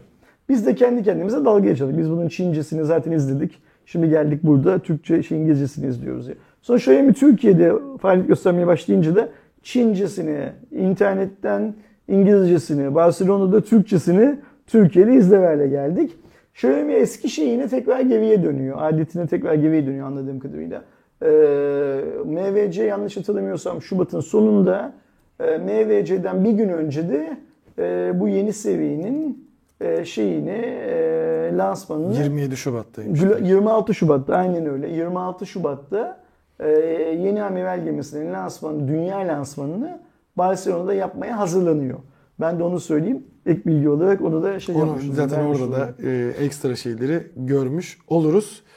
E, bu sefer e, normalde yani en azından geçtiğimiz dönemde hep işte şu markanın e, Türkiye'de fabrikası açıldı, bu markanın açıldı diye konuşuyorduk. Bu sefer de e, Arçelik'in yani Koç grubunun Arçelik ve Beko'nun e, Mısır'da Orta Doğu ve Afrika ülkelerine satılmak üzere e, bir 100 milyon dolarlık yatırımla 2000 kişi istihdam edeceği bir e, fabrikasının temelleri e, atıldı. E, yılda 250 milyon dolarlık ihracat yapması planlanıyormuş Mısır'daki bu Güzel. fabrikanın. E, önümüzdeki yıl tamamlanacak 114 bin metrekarelik alana yılda 1,5 milyon e, adet e, üretim yapacak. İşte soğutma ürünleri, kombi, fırın, ankastre, ocak ürünleri sonrasında da klima, televizyon, çamaşır makinesi gibi e, eklemelerin de yapılacağı bir sistem kurulacağı söyleniyor. Daha çok anladığım kadarıyla Beko özelinde olacak. Hani oradaki üretimler. Ee, ama işte yani Mısır'da da buradaki bir e, yerli bir firmanın yatırımıyla bir o pazar için şey fabrika kurulumu oluyor. Güzel yani hani Koç Holding'in bir şirketi. Zaten ülkenin büyük e, sanayicilerinden, sanayici holdinglerinden bir tanesi. E, büyüyecek. Dünyada büyümek böyle bir şey. Senin Foxconn'un Hindistan'da açtığı e, haberlerin arasında yok galiba değil mi? Ee, emin değilim. Okey. Şöyle Yok galiba. bakayım. Ben de onu söyleyeyim. Tamam. Şimdi Foxconn'da Hindistan'a 500 milyon dolar yatırım yapacağını açıkladı Aydoğan. E, takvimlere eğer bakarsak işte hani Çin'de sorun var, pandemi, iPhone üretimi yetişmiyor ama Apple iyi müşteri, çözüm bunu diyor filan. Daha yani geçmiş cuma raporunda konuştuğumuz hikaye. Foxconn ne yapıyor hemen B planında şeye sokuyor. Müşteri olarak Apple'ı kaçırmamak için 500 milyon dolarlık yatırım yapmaya karar veriyor. Nereye? Hindistan'a. Şimdi geçen hafta şeyi konuşmuştuk ya. Yine bu kakofoni yüzünden e, biz Türkiye'de bir tane çip fabrikası açılabilme ihtimalini konuşmadık bile demiştik. Yani TSMC gidiyor Amerika'da açıyor. Avrupa topluluğu nerede bu fabrikayı açalım diye yer veriyor kendisine. Yer veriyor derken tabii Fransa ile Almanya birbirlerinin gözüne uyuyorlar. O ayrı mevzu da. Ama Türkiye iyi bir pazar olarak ortaya çıkamıyor. Hatta ne dedik ne dedim geçen haftalardan birinde? Biz Türkiye'de şu Xiaomi'nin, Oppo'nun, şeyin, Vivo'nun, işte Tekno'nun ve adını unuttuğum General Mobile'ın, Vestel'in geçmişte açtıkları hatta şuradan başlayalım. Yani Vestel Türkiye'de cep telefonu üretmeye başladı. Gerekli ilgiyi görmediği için adamlar kapattılar. O kadar yani. Fabrikaları bile açtıktan öteye götüremedik. Yani onu bile böyle bir e, siyasi şov olarak kullanmaya çalıştık. Ama şimdi bir yandan da şöyle bir şey var Erdoğan. Mesela sen gittin gördün Xiaomi'nin fabrikasında. 150 kişi falan çalışıyor galiba. Bizim Türkiye'deki fabrika algımızın biraz küçültülmüş versiyonları bunların tamamı. Ee, ama bak 500 milyon dolar yatırım yapıyor Foxconn. Şimdi Foxconn bu 500 milyon dolar yatırım Türkiye'ye yapamaz mı? Yani Hindistan'ı niye seçmişler? Ben şöyle düşünüyorum. Hindistan nüfusu yüzünden muazzam bir pazar. Ee, Hindistan İngiliz sömürgesi olması nedeniyle İngilizcenin çok çok iyi konuşulduğu ve bu yüzden de muazzam bir eğitim alınabilen eee, dünyanın da en güçlü ülkelerinden bir tanesi. Ama şunu unutmamak lazım. Hindistan'da işçilik çok pahalı. Ya Türkiye en azından tabii Hindistan'da da bölge bölge ucuz işçiliğin olduğu yerler var ama Türkiye çift fabrikası içinde Foxconn'un yapacağı 500 milyon dolarlık yatırım içinde e, şu açılan cep telefonu fabrikalarının kapasitesinin yükseltilebilmesi için de muazzam bir ülke aslında. Burada neye ihtiyacımız var bizim? Bu sinerjiyi yaratabilecek yöneticilere ihtiyacımız var. Yani neyi söylemeye çalışıyorum biliyor musun? Bu işten kim sorumluysa, mesela Sayın Cumhurbaşkanı mı sorumlu? Sayın Varank mı sorumlu? Kim sorumluysa? Ee, Xiaomi'nin CEO'suna diyecek ki sizin Türkiye'deki fabrikanızı da daha çok üretim yapmanız için neye ihtiyacınız var diye soracak. Xiaomi'ye değil tabii ki sadece. Bunu Oppo'nunkine de, Tekno'nunkine de bilmem filan hepsine soracak. Ve diyecek ki biz Türkiye'de üretilen cep telefonlarının sadece Türkiye'de satılmasını çok hoşlanmıyoruz. Buradan ihracat da yapmanız lazım. Bakın Ford bunu yapıyor diyecek. Yapıyor değil mi Ford bunu? Bakın Fiat bunu yapıyor diyecek. Yapıyor değil mi? Yapıyor.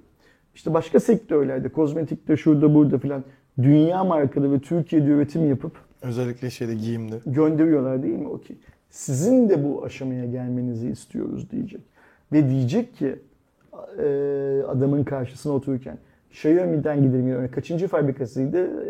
Dördüncü fabrikası mıydı? Şu beşinciydi galiba yanlış. Galiba 5'te evet. Beşinci. Biz sizin geri kalan dört fabrikanızın etüdünü yaptık diyecek.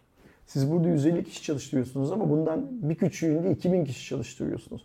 Burada da 1000 kişiye, 1500 kişiye çıkmanızı istiyoruz. Talep ediyoruz. Türkiye Cumhuriyeti Devleti olarak.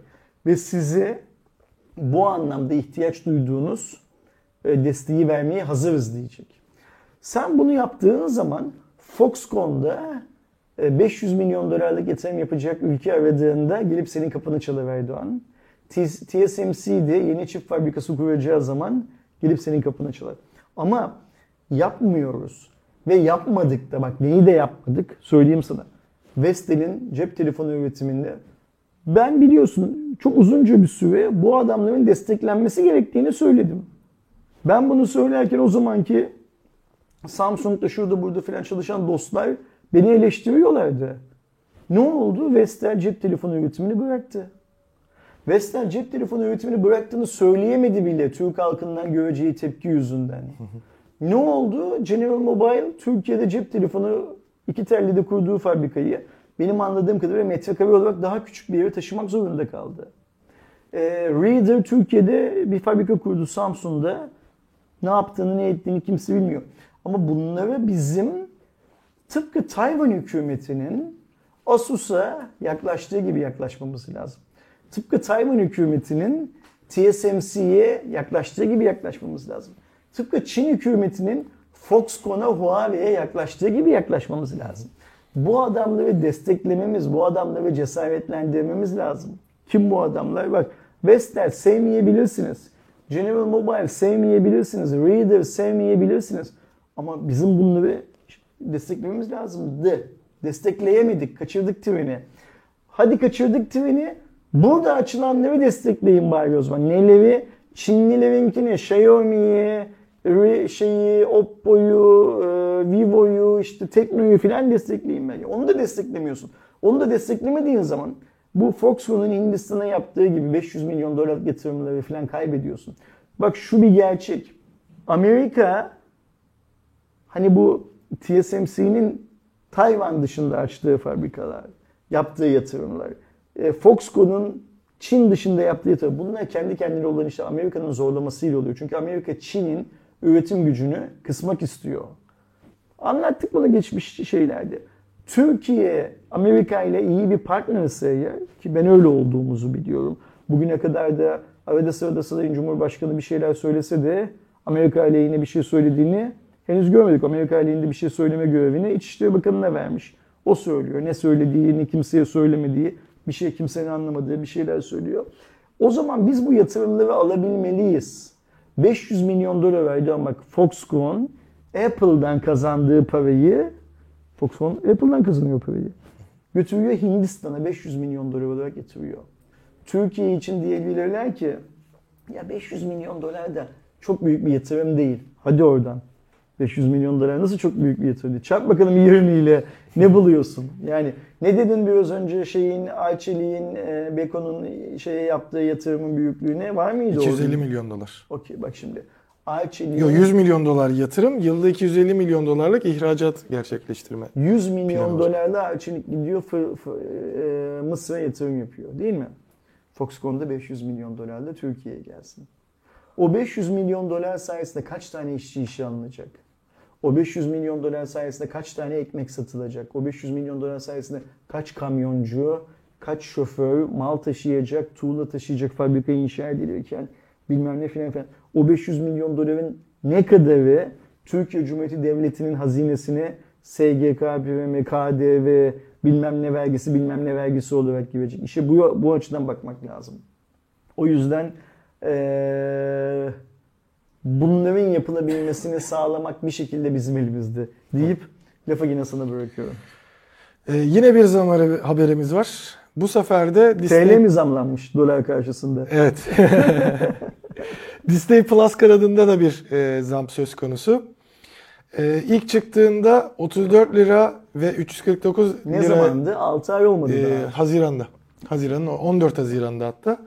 Aylık 35 lira, yıllık 349 yani 350 liraydı. Hatta işte o dönemki kampanyayla 200 küsür liraya bir yıllık abonelik sunuyordu. Şimdi de e, fiyatlar zamlandı. Aylığı 65 lira, e, yıllık abonelik de 650 lira. Yani e, 35 350'yi 65 650'ye güncellediklerini duyurdu. En azından doğru korelasyonla ilerliyorlar yani. Oran orantı olarak aynı şekilde e, yükseliyor ama gerçekten ciddi bir yükseliş var. Neredeyse iki katına yakın bir e, yükseliş olduğunu görüyoruz.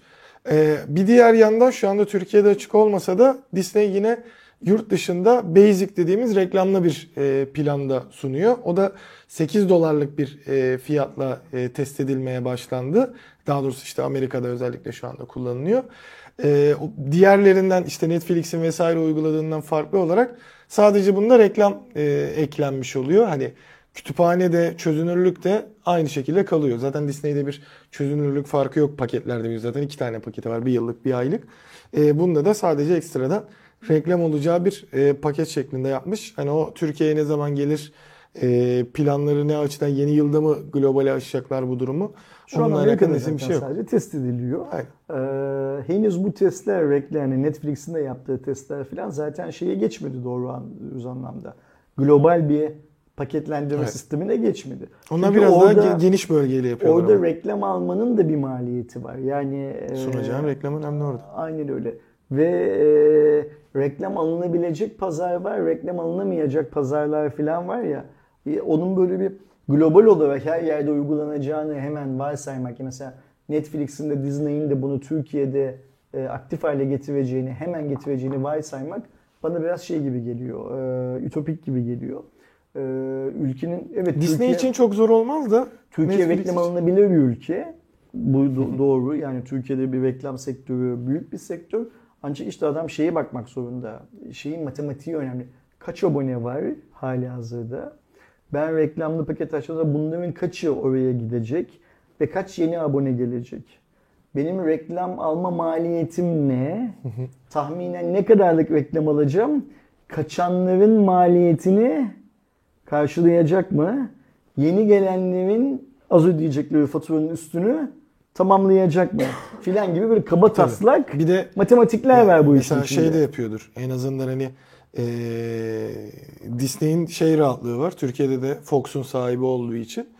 Eee, oradan piyasaya da bakıyordur işte hani fiyatlandırma nasıl bilmem ne Yani nasıl ona yapıyor. Biz değer mi? Fox'ta ne kazanıyoruz ki böyle bir işte ne kazanırız'a bakacaklardı. Mesela biz Fox'ta 3 kazanırken atıyorum A Haber 33 kazanıyor mu? Show TV 53 kazanıyor mu? Şimdi Fox 3 kazanırken şu A Haber 33, Show TV 53 kazanıyor. Bilmiyorum bu arada bu kanalları. Hiçbirisi izlediğim kanallar değil. O zaman biz Disney Plus'la 3 mü kazanırız Fox gibi? 53 mü kazanırız falan bakacaktır. Yani projeksiyon anlamında Evet. yardımcı olacaktır şeye Kesinlikle. Fox'a. Yani bakalım nasıl bir durum olacak ama dediğimiz gibi e, fiyatlandırmalar da e, böyle ayarlandı. Yani işte 6. ayda bir zam gelmiş e, oldu. Galiba zamlanmayan da böylelikle e, yine nazar değmesin şey, e, Prime Video kaldı. Amazon'da ama yani eli kulağındadır. Onu Orada açık tabii açık ki bir söylemek lazım. alışveriş hikayesi de olduğu için şeyin Amazon'un eli göreceli olarak biraz daha kolay bu işte. Fiyatı sabit tutma işinde. İnşallah fiyatı aşağılarda tutmaya devam ederler. Umarım yani inşallah diyelim ve Dimensity kanadına geldiğimizde işte e, videonun başında da giriş kısmında da konuştuk işte Dimensity 9200 çıktı vesaire diye oldukça iddialı da bir işlemciydi. Şimdi e, 8200'ü de e, duyurdu e, Mediatek kanadı. E, 8200 özellikle orta üst segmentin şeyi biz zaten bir önceki neslini özellikle işte 12T'de vesairede görmüştük ki e, teknik açıdan ondan daha iyisi olsa da amiral gemi seviyesinde performans sunabilen yeni klasmandaki en güzel işlemcilerden biriydi 8100'de. 8200'e baktığımızda 4 nanometre sürecinden geçiyor.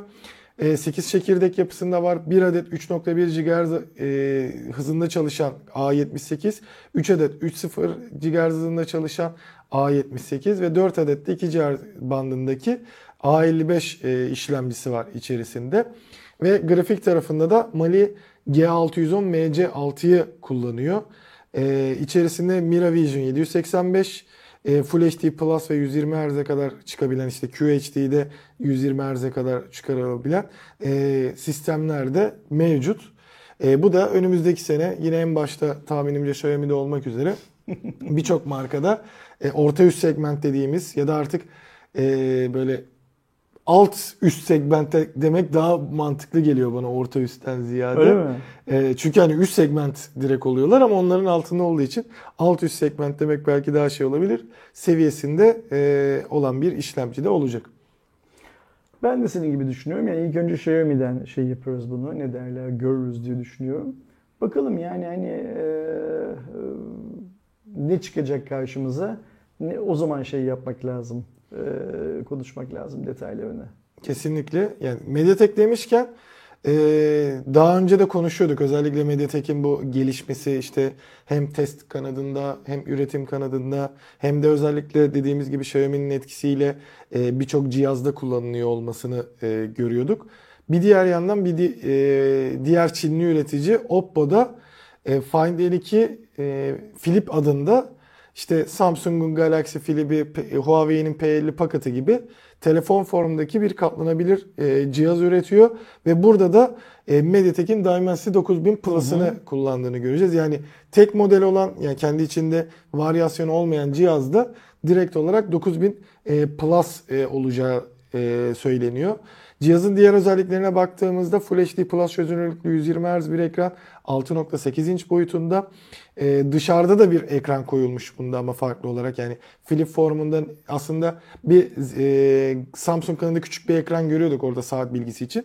Bunda daha büyük bir ekran kullanımı e, var e, Find N2 Flip'te. Biz bunun ilkini elimize aldık gördük zaten M1'i. Yani şey bizim bu İstanbul'da bize gösterdikleri geçen yılki InnoD'de bunun birinci versiyonuydu. Fotoğraflarından gördüğün kadarıyla 1 ile 2 tasarımsal olarak birbirine Ya bu, benziyor burada ama şey de var hani e, N2 ile o da ne M1 miydi yine şeyini de ben de tam e, hatırlayamadım. Burada şey formunu da e, getiriyorlar. E, kapaklı telefon formu da geliyor. Hmm. İkinci bir cihazda geliyor. Yani hem katlanabilir tablet demek işte daha doğru aslında bence o cihazlara. Burada o form da geliyor ve o formda direkt işte tek işlemci çıkması çünkü sen bu katlanabilir tablet hikayesini dik ve uzun olduğu için söylüyorsun değil mi? Yani tablet gibi dik ve uzun ve Ya hani- katlanıp kare seviyede olup katlandığında fe- telefon formuna geldiği için aslında tableti katlanıp telefon oluyor. Telefonu katladığında dik bir işte eski Okey. o Motorola Razr'lar ya günümüzdeki Razr da öyle zaten. e, gibi formun katlanabilir telefon olduğunu kendi e, kafamda düşünüyorum. Öyle bir formda da cihaz e, ortaya çıkarıyor e, Oppo kanadı. E, bu açıdan baktığımızda işte yine Dimensity'yi kullanıyor olması hani bu sene biz biraz daha fazla böyle Dimensity'yi göreceğimiz ve kısmet inşallah. ee, işte ana işlemci olarak göreceğimizi görüyoruz. Yani biz şu anda konuştuğumuz işte bir yeni çıkan cihaz e, Tekno'nun e, Phantom X2 ve X2 Pro'su var. İşte N2 Flip geliyor orada duyuyoruz. Bir Xiaomi kanadında e, Snapdragon duyduk. Böyle böyle artacağı gibi görünüyor. Find 2, N2 Flip'e baktığımızda öndeki daha doğrusu o kapağın üzerindeki ekran 60 Hz'lik e, bir tazeleme sunan ve 3.2 inç boyutunda. Dediğim gibi e, bu formdaki cihazlar arasındaki kapaktaki en büyük ekrana sahip e, olacak bir cihaz. 44 Watt e, hızlı şarjla 4300 megapiksel miliamperlik e, pilini şarj edecek. E, 15 Aralık'ta duy- duyurulacağı söyleniyor. 2023'ün ilk çeyreğinde de e, şey olması bekleniyor. Hani globale e, tanıtılması beklendiğini söyleyelim. Hatta işte buradan hadi direkt bağlayalım onu da. Ben sona koymuştum gelen bültenle. InnoDay'de 14 Aralık'ta başlayacak. Yani bizim Türkiye'de daha erken bir sunumlarını da gördüğümüz InnoDay inovasyon günü olarak diyebiliriz Oppo'nun. Yeni nesil teknolojilerini sunduğu bir e, etkinlik. Bu sefer online yapılıyor galiba değil mi? Ya evet yani şu an için Oppo'nun e, oppo.com Biz adresinde. geçen yıl İstanbul'da yapıldığını mı görmüştük? Aslında Türkiye'deki InnoDay değildi. Farklı miydi? bir isimle. E, Çin'den önce ama InnoDay'deki şeyi e, sundukları Ha, bir evet, şeydi. haklısın. Haklısın. okey. Ya bir hafta öncesinde Çin'den bir hafta önce e, yani tam bu tarihlerde mesela şu anki 14 Türkiye Aralık'ta. saatiyle ayın 14'ünde 13.30'da başlayacakmış.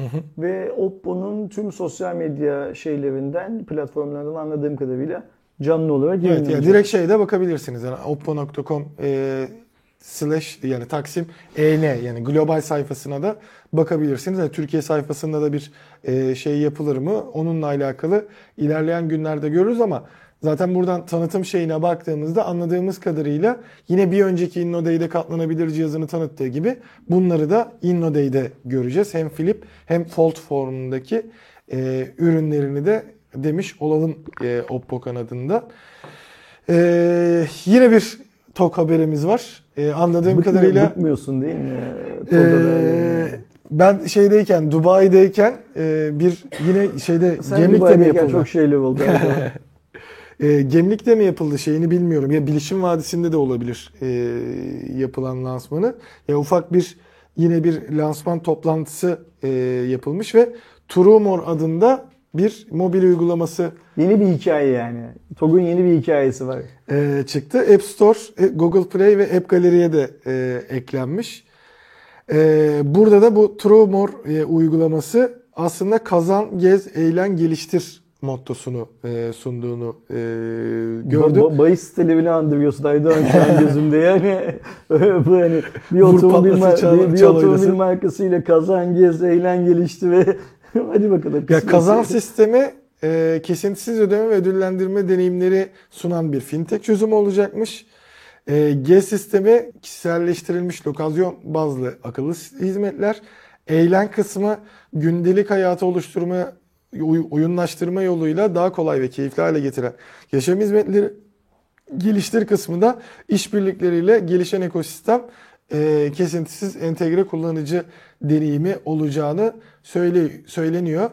E, örneğin kullanım bazlı sigorta servisleri, araç içi ve mobil oyun uygulamaları ve akıllı yaşam çöz- çözümleri gibi bir durum olacakmış. İşte kazan kısmında bu e-cüzdan e, sisteminin araç içi ödeme, e, mobil ödeme kısımları olacak. İşte NFT vesaire gibi ödül programları da bunun içerisinde olacakmış. Yani aslında temel çapta e, TOG'un mobil uygulaması Saadet olarak zinciri gibi bir şey yani bu. Ben Ee, yapılacak bir böyle sistem. şeyleri okudukça TOG almaktan vazgeçiyorum biliyor musun? Yani hani ee, bu şey böyle her su birikintisine bir olta atalım. Elbet birinden bir balık tutarız. Yani hep aynı şey değil. Ben, ben mi bu kadar takıntılıyım bilmiyorum. Ortada olmayan bir otomobil için hala şey yapıyoruz. e, Plan proje geliştiriyoruz değil mi? Yani Mesela bunlar olarak evet şu an şey bir anlaşma yaptılar. İşte Avalanche'la birlikte bir şeyler yapıyorlar. Şimdi neydi? Kazan yok özür dilerim. Trumor. Turumor'du açıklaması olacak. Kazan gez eğlen geliştir diye bir şey sunuyoruz şimdi otomobili alacak olan e, insanlara ve diyoruz ki bizim kazan gez eğlen ve geliştir diye bir sistemimiz var. Gidip başka marka otomobil almayın o yüzden gelin TOG alın demeye başlıyoruz değil mi? Böyle şey e, YouTube'da filan karşımıza çıkan e, işte paranızı bilmem nereye yatırın çok para kazanın filan şeyleri ne derler sahte reklamları var ya. Gittikçe bu talk şeyi benziyor. Touch the screen hikayesine benziyor Amerika'daki. Yani pazar günleri rahiplerin yaptığı vaazlarını yayınlayan telefon, televizyonlar vardır ya. Gittikçe ona benziyor benim gözümde ve sırf bu şeyler yüzünden e, bana sorulacak olursa temelsiz vaatler ve temelsiz yapılan işler yüzünden e, marka zarar görecek diye korkuyorum açıkça söylemek gerekirse. Yani e, uygulamaya daha hiç bakmadım. Yani ne sunduğunu, nasıl bir sistem Uygulamaya ayarladığını. baksan ne olacak? Ortada araba yok. Araba, araba, araban var mı uygulamaya bakmak için? Yani Yani iki ay kaldı şey için, sipariş için. Ay, Şimdi iki ay kaldı sipariş için. Bugün ayın 9'u 20 günde kaldı. İlk verdikleri sözü tutmadıklarının resmen anlaşılması için. Onlar her ne kadar ilk verdikleri sözü, sözü tutmayacaklarını sonra zamanı revize ederek e, Türk halkına yedirmiş olsalar da ilk verdikleri söz neydi? 31 Ocak 2022 gün en geç Türkiye'de yollarda görülecekti bu araba değil mi? Hala görülmüş değil. Bu şey gibi biraz işte Türkiye'nin 2023 hedefleri gibi.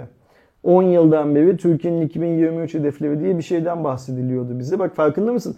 2023'e 6 ay kaldı, 1 yıl kaldı.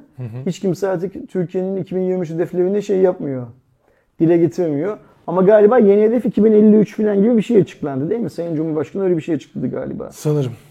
Yani 2013'ten beri 2023'ü bekledik zengin olmak için, e, hayat pahalılığının altında ezilmemek için, daha demokratik, daha e, müeffeh bir Türkiye'de yaşamak için. Şimdi de 2023'ten 2053'ü bekleyeceğiz. Bekle babam bekle. TOG'un hikayesi de öyle. Bekle babam bekle.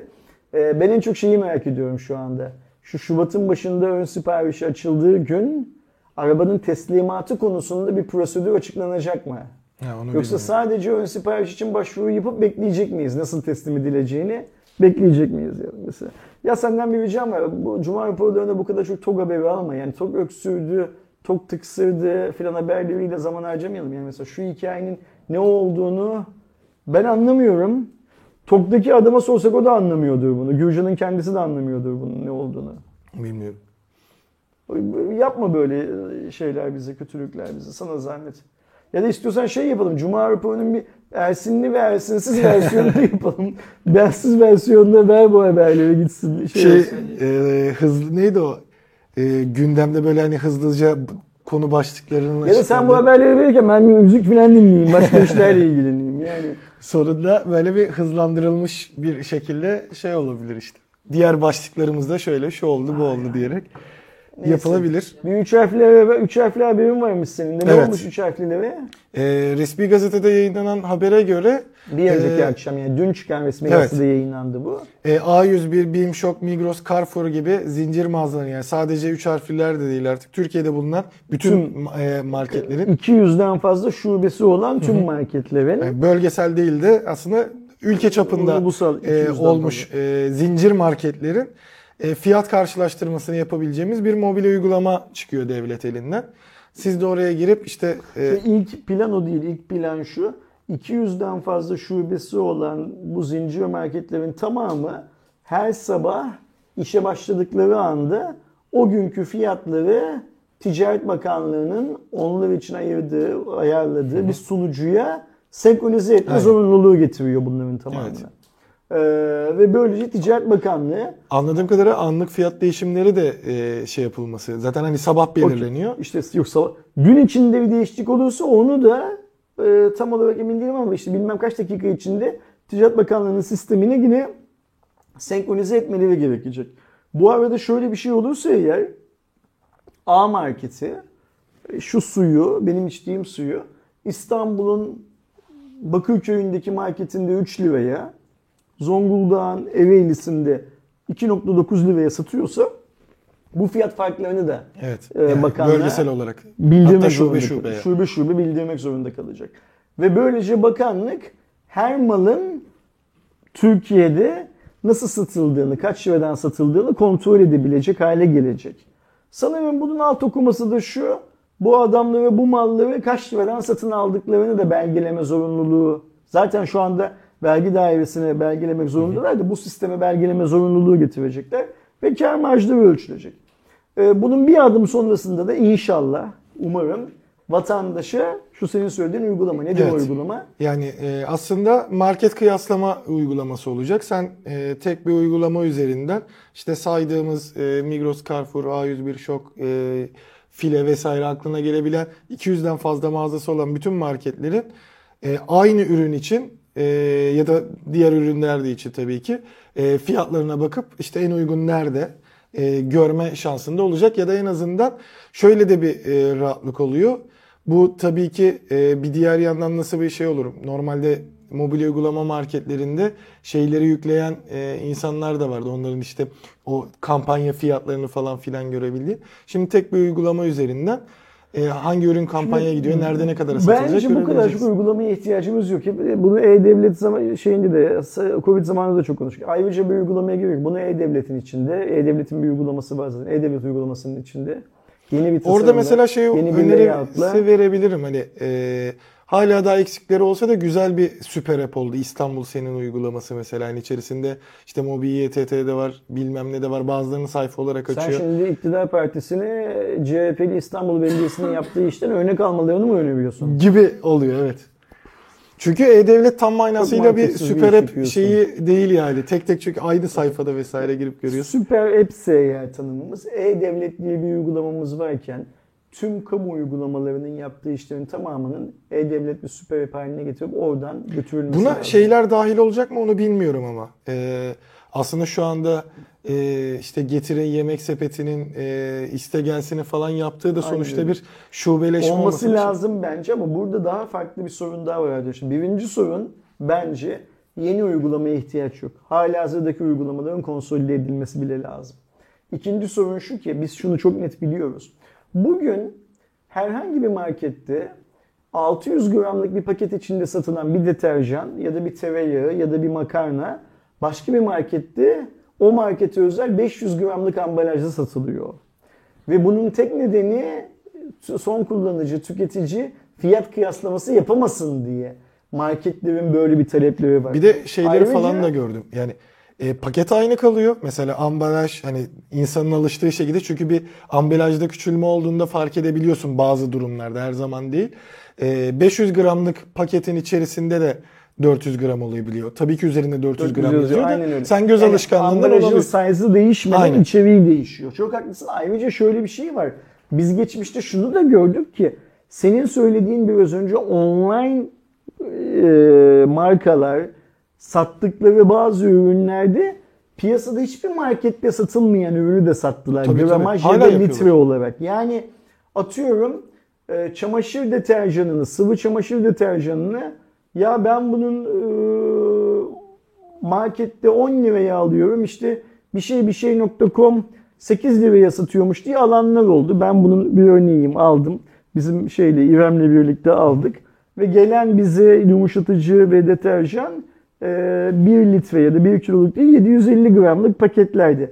Onun aynısının imitasyonu yapılmış gibi küçük paketlerde geldi. O yüzden burada önemli olan şey bence yine internete, cep telefonuna filan dönmek zorundayız.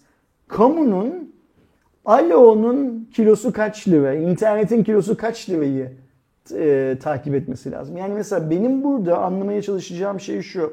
Eğer gerçekten bakanlık bu verileri toplamaya başladıktan sonra senin söylediğin gibi herhangi bir sistemle bu verileri halkla paylaşırsa kilo, litre vesaire gibi fiyatlarını paylaşmak zorunda. Çünkü biz şu konuda çok netiz ve bu e, serbest piyasa ekonomisinin bir gereği bunu e, yasaklayamazsın. Yani bir market 36'lı rulo tuvalet kağıdı alıyor, istiyor, atıyorum kimden? Selpak'tan. Bir market 25'lik, 26'lık bir paket istiyor. Tabii orada direkt ona göre olmalı. Yani şeyde. o yüzden ben eğer vatandaşın e, kandırılmamasıysa amacımızın birim fiyatların açıklanması gerektiğini düşünüyorum. Ve ben bunu internette, cep telefonunda, ev telefonunda yıllardan beri söylüyorum zaten. Yapılması gereken şey bu. Arkadaş şu internetin kilosu kaç lira? Bunu bize söyleyin. Ben kendi operatör, operatörümü aradığım zaman dakikasını kaç liradan aramak zorundayım? Başka operatörü aradığım zaman kaç liradan arayacağım? Bunların hepsinin belli olması lazım. Ve vatandaş ISP'ler tarafından da eğer kandırılıyorlarsa süpermarketler tarafından da eğer kandırılıyorsa senin biraz önce söylediğin işte getir ve benzeri bilmem ne filan online marketler tarafından da kandırılmaması için gerekli veriye, gerekli bilgiye sahip olmalı. İş bu kadar basit. Ee, bu iyi bir şey. Ticaret Bakanlığı'nın yapmaya çalıştığı hikaye. Ama yine dönüp şeyi soracağız. E neredeydin be abi? Bunu yapsaydın ya daha önce. Biraz önce mühürlenen bina için de aynısını söyledik. E neredeydin? Yap yani hani bunu yapmak için 2022'nin Aralık ayına kadar beklemen gerekmiyordu senin. Yap daha önce. Ayrıca Yine aynı şeyi söyleyip bu konuyu kapatalım. Biz geçen hafta bunu burada konuştuktan sonra bir tane takipçimiz markası neredeyse aynı olan iki tane ürünü bir bu üç harflilerden şimdi adını söylemeyelim bir de Tarım Kredi Kooperatifinden fiyatlarını çekip göndermiş. Tarım Kredi Kooperatifinin marketi daha ucuz değil. Ya benzer Yani devlet daha ucuz satabilmek hikayesiyle daha önce tanzim satışlar kurdular değil mi? İnsanlar gitti domates alacaklar, soğan alacaklar diye. Bence utanılısı bir görüntüydü. Orada sıraya girdiler. Şimdi bu tanzim satışları açıyorlar. Burada franchising söz konusu. Gidip alıp sen de açabilirsin Erdoğan. İflas etmek istiyorsan. Bence bu benim görüşüm. Çünkü bir süre sonra bunlar rekabet edemez hale gelmek gelecekler zaten. Çünkü şöyle bir şey var.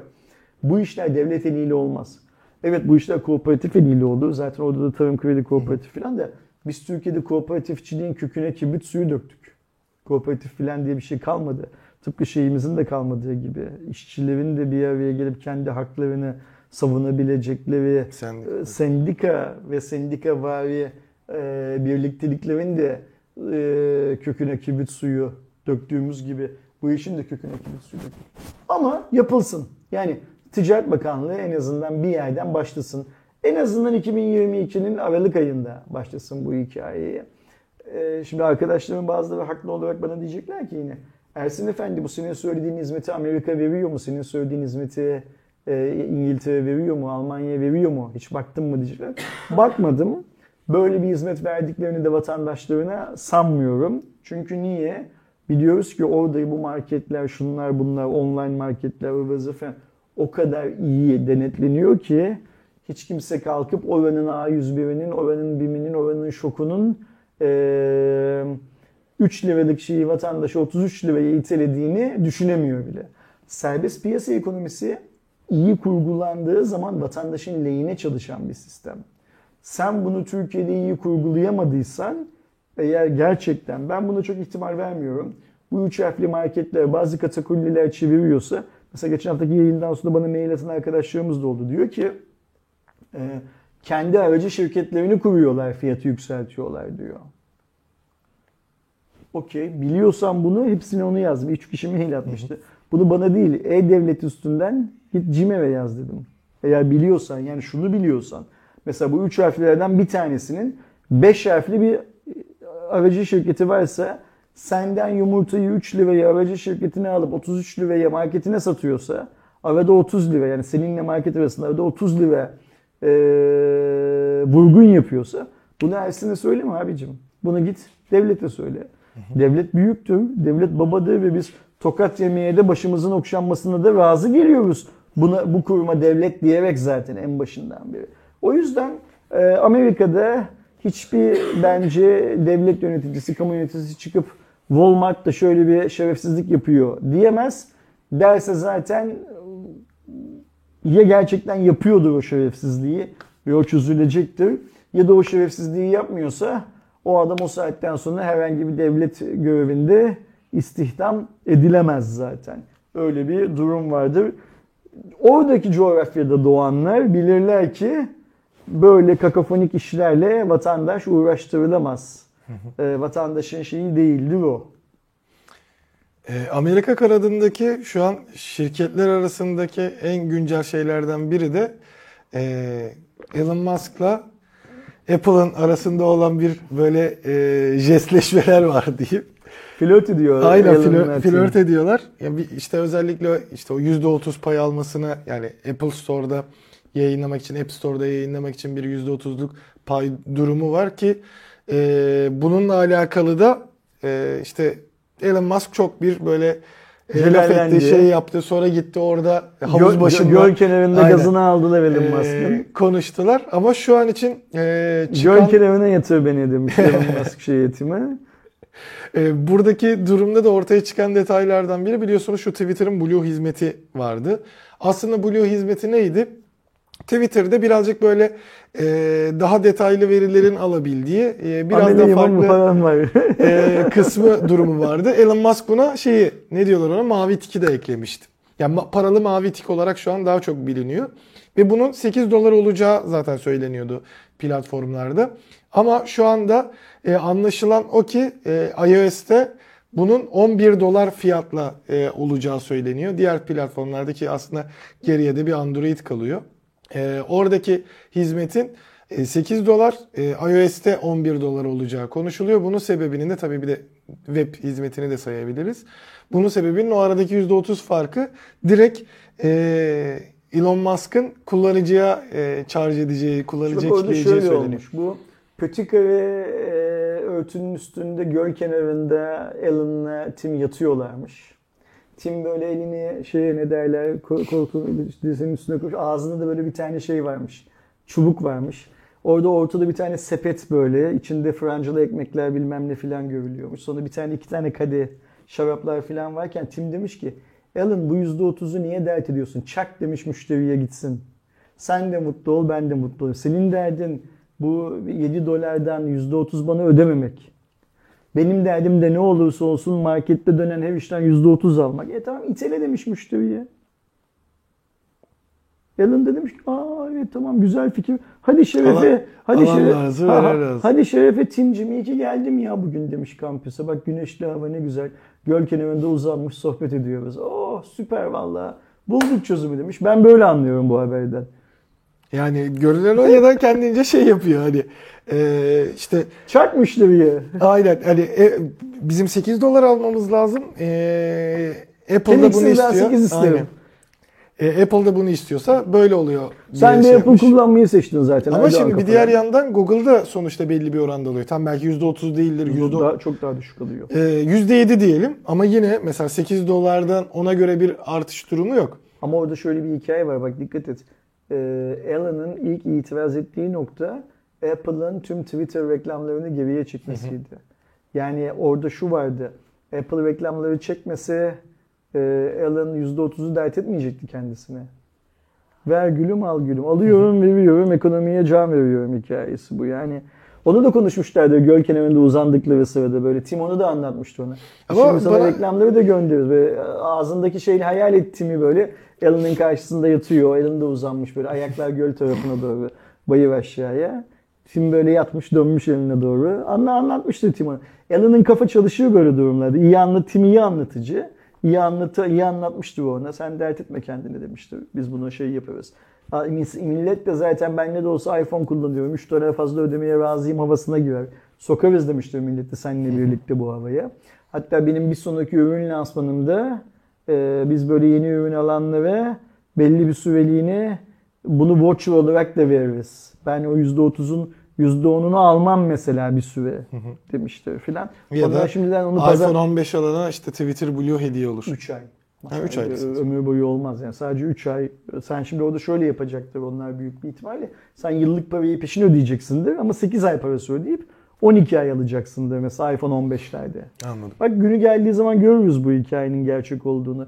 O iki yavşak şey yapmışlardı. Kendi kendilerine anlaşmışlardı şeyde. Orada yatıp uzanıp şaraplarını yudumlar ve birbirlerine güzel sözler söylerken şey yapmışlardı, anlaşmışlardı. Tabii bu konuda Amerika'da da hani tepkiler çıkmaya başladı ama sonucunda ne olacak zaten şu Blue sistemi ne zaman e, aktifleşecek vesaire e, göreceğiz. Geçtiğimiz hafta işte 2022 Bir şey ile alakalı Bu herifin bu, bu avukatlarından bahsediyorsun da niye hakkında açılan davalardan şundan bundan bahsetmiyorsun Musk'ın? Sen de mi Musk'ın Mesih olduğunu inananlardansın? tabii ki.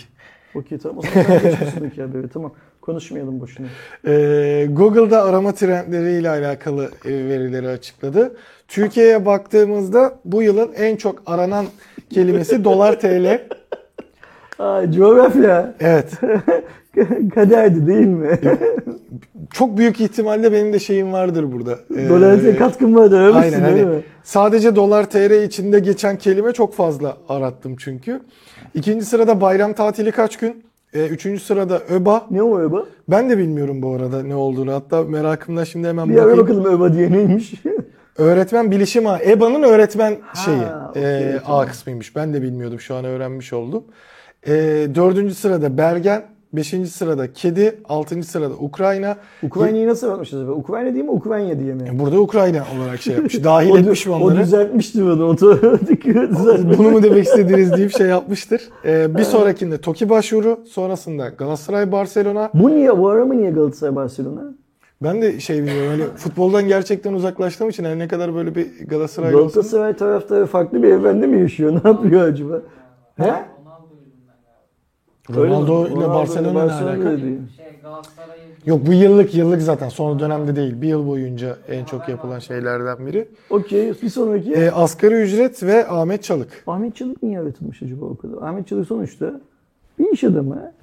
Ee, hani çok konuşmayalım hakkında. Bizi boş boşuna şey yapmasın. Mahkemeye falan vermesin ama yani. Millet konuşmayıp aramış herhalde. Ben, ha ben Sessiz şeyi sessiz çalışıyorum. Şimdi mesela şu listede Sedat Peker olsaydı, atıyorum şu Şaşırdım, evet. Listede e, Süleyman Soylu olsaydı, Recep Tayyip Erdoğan olsaydı yani isim olarak çok şey yapmazdım, şaşırmazdım bunların şeyine. Ya da atıyorum Fenerbahçe'nin teknik direktörü, Galatasaray'ın teknik direktörü bilmem ne filan bir sporcu olsaydı filan çok şaşırmazdım da niye Ahmet Çalık mesela şey yapamadım, e, anlayamadım. İsimlerden neler varmış mesela peki? Ee, hemen ona da bakayım. Mesela şey yaptım. 2021'e de şimdi hemen önünde açtım. Birinci sırada Eba Giriş, Squid Game, A öyle, Mesut Özil, Elmalı davası diye gidiyormuş mesela. Şimdi mesela. Mesut Özil'in aranmış olmasına anlam verebiliyorsun bir önceki yıl. Ama işte bu yıl Ahmet Çalık'ın niye bu kadar aratıldığını anlam veremedim bilmiyorum. Ee, ben de şey yapmadım. Ee, isimler e, kısmında da birinci sırada Icardi var. Kim bu? Galatasaray'ın e, forvetlerinden biri Okey, tam normal. Eğer futbol sporcuysa normal. Ee, ikinci sırada Ece Erken, Şinasi Yüzbaşıoğlu? Mertens. Şinasi Yüzbaşıoğlu'nu ben de bilmiyorum bu arada. Okey. Mertens'in. O da Galatasaray'ın yeni e, Tamam. şeylerinden biri. Süper. Ha Müge Anlı'da çıkan bir e, Öyle miymiş? olaymış. Zatı muhteremmiş. Aynen büyük ihtimalle yine böyle bir genel bir olaydır şey olarak Onun bilmiyorum. parasıyla öbürünün karısını aldatanlardan filan bir şeydir herhalde. Joao Pedro, Gülşen, Deli Ali, Halis Serbest. Deli Ali kim? O da futbolcu. O, da futbolcu, Beşiktaş'ta. Okey. Ee, Halis Serbest o da mı futbolcu? Onu bilmiyorum. Onu Ümit Özdağ ve Maxi Gomez. Maxi o- Gomez zaten. O ikisi futbolcu onları biliyorum. Süper. Ha Halis Serbest galiba şey tamam şimdi yazınca e, fark ettim.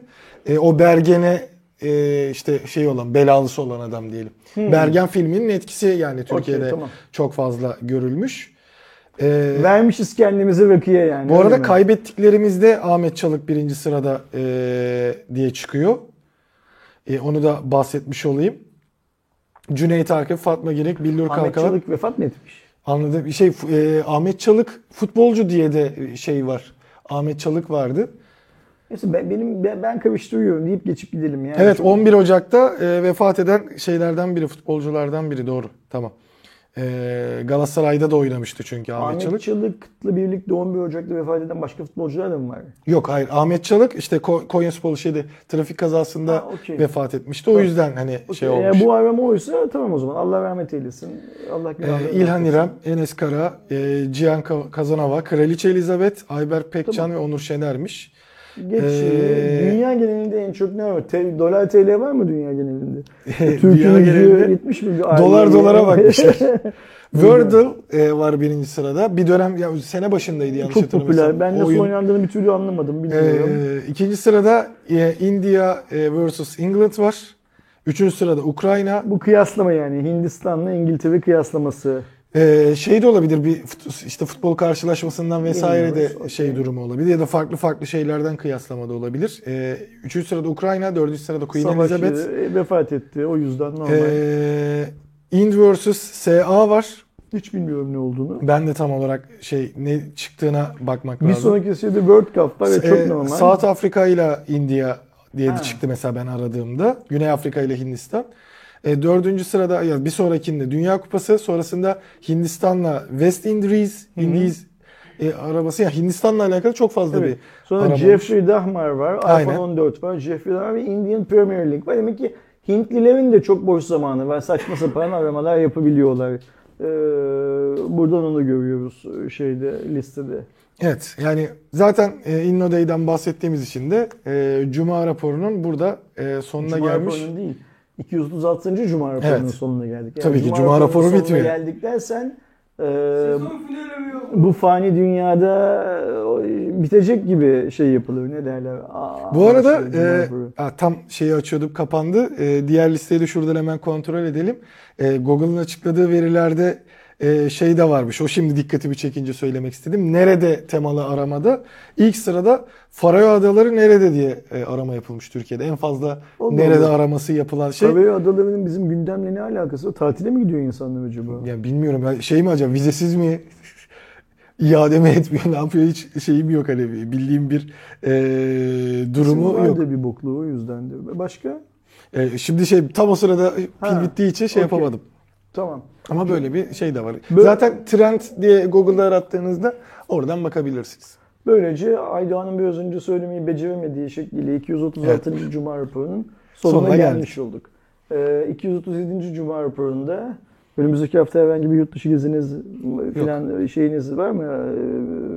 Ee, işe gelmemek için nedeniniz, ha- hastalık Yani programınız vesaire gibi bir şey umarım var olmaz hastalıkla Olmaz. alakalı bir İnşallah program. Hiçbirimiz Bu için olmaz. Ofiste hastalığı hala atamadık. Yani hani ben iyileş daha iyi olduğumun çok çok farkındayım. Arkadaşlar da farkında. Sen de o günden sonra epey bir topladın. Yani hafta başında çünkü ofis daha kötüydü. Evet. Ben de sen de daha şeydeydiniz. Ee, geçen hafta Ben bu- hatırla, Cuma, Pazar günü yaptığımız yayında da e, çok, iyi durumda değildin Evet, aslında. evet. Benim Ama- de ekstradan işte apse problemi Ha, falan ha- hala hafta içi şey yaptık epey bir toparladık gibi görünüyor. Şu an Yıldıray rahatsız. Ee, onun dışında ekip sanki şey yapıyor. Ne derler iyileşiyor. Evet. Gülcan'ın da epey bir düzeldi. Herkes hasta oluyor. Ha, bu arkadaş, O arkadaş evet Can, Evet, Can Can, Can hasta olmuyor. Can o konuda çok başarılı. Doğuş falan da yüksekmiş. topladı. Bir ara böyle çizgiye kadar geldi olacak Aynen. olmayacak ama Nurefendi'yi dayayınca e, şey yaptı. Bunun bir etkisi yok bence. Oluyor oluyor. Psikolojik olarak iyileşmiş. Aynen. Onun bir etkisi Bir yokmuş. şey sorayım.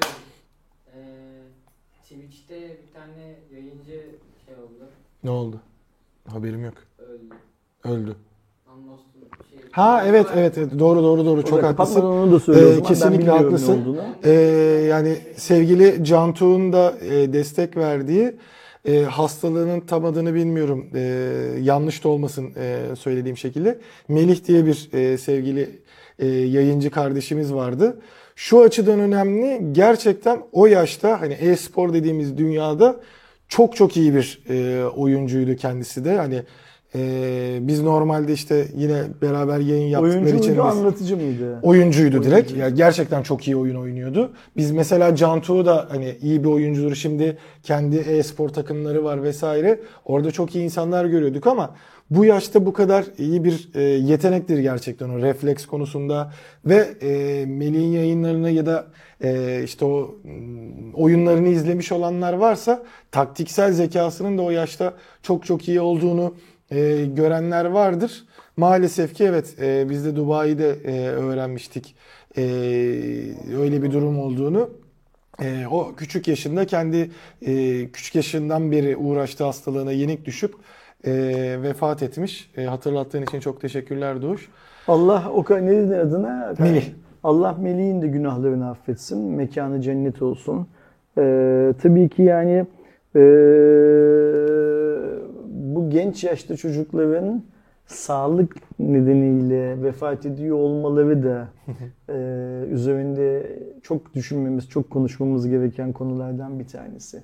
Yani zengin ya da fakir fark etmeksizin bu çocukların hayat şartlarını, sağlık anlamındaki hayat şartlarını daha iyi duruma getirememek ve ben de hastalığının ne olduğunu bilmiyorum ama hmm, tedavi edilme imkanı varsa eğer tedavi edilemeden vefat etmelerine neden olmak da bana soracak olursan bu ülkede yaşayan yine herkesin üzerinde düşünmesi gereken şeylerden bir tanesi, e, sorunlardan bir tanesi.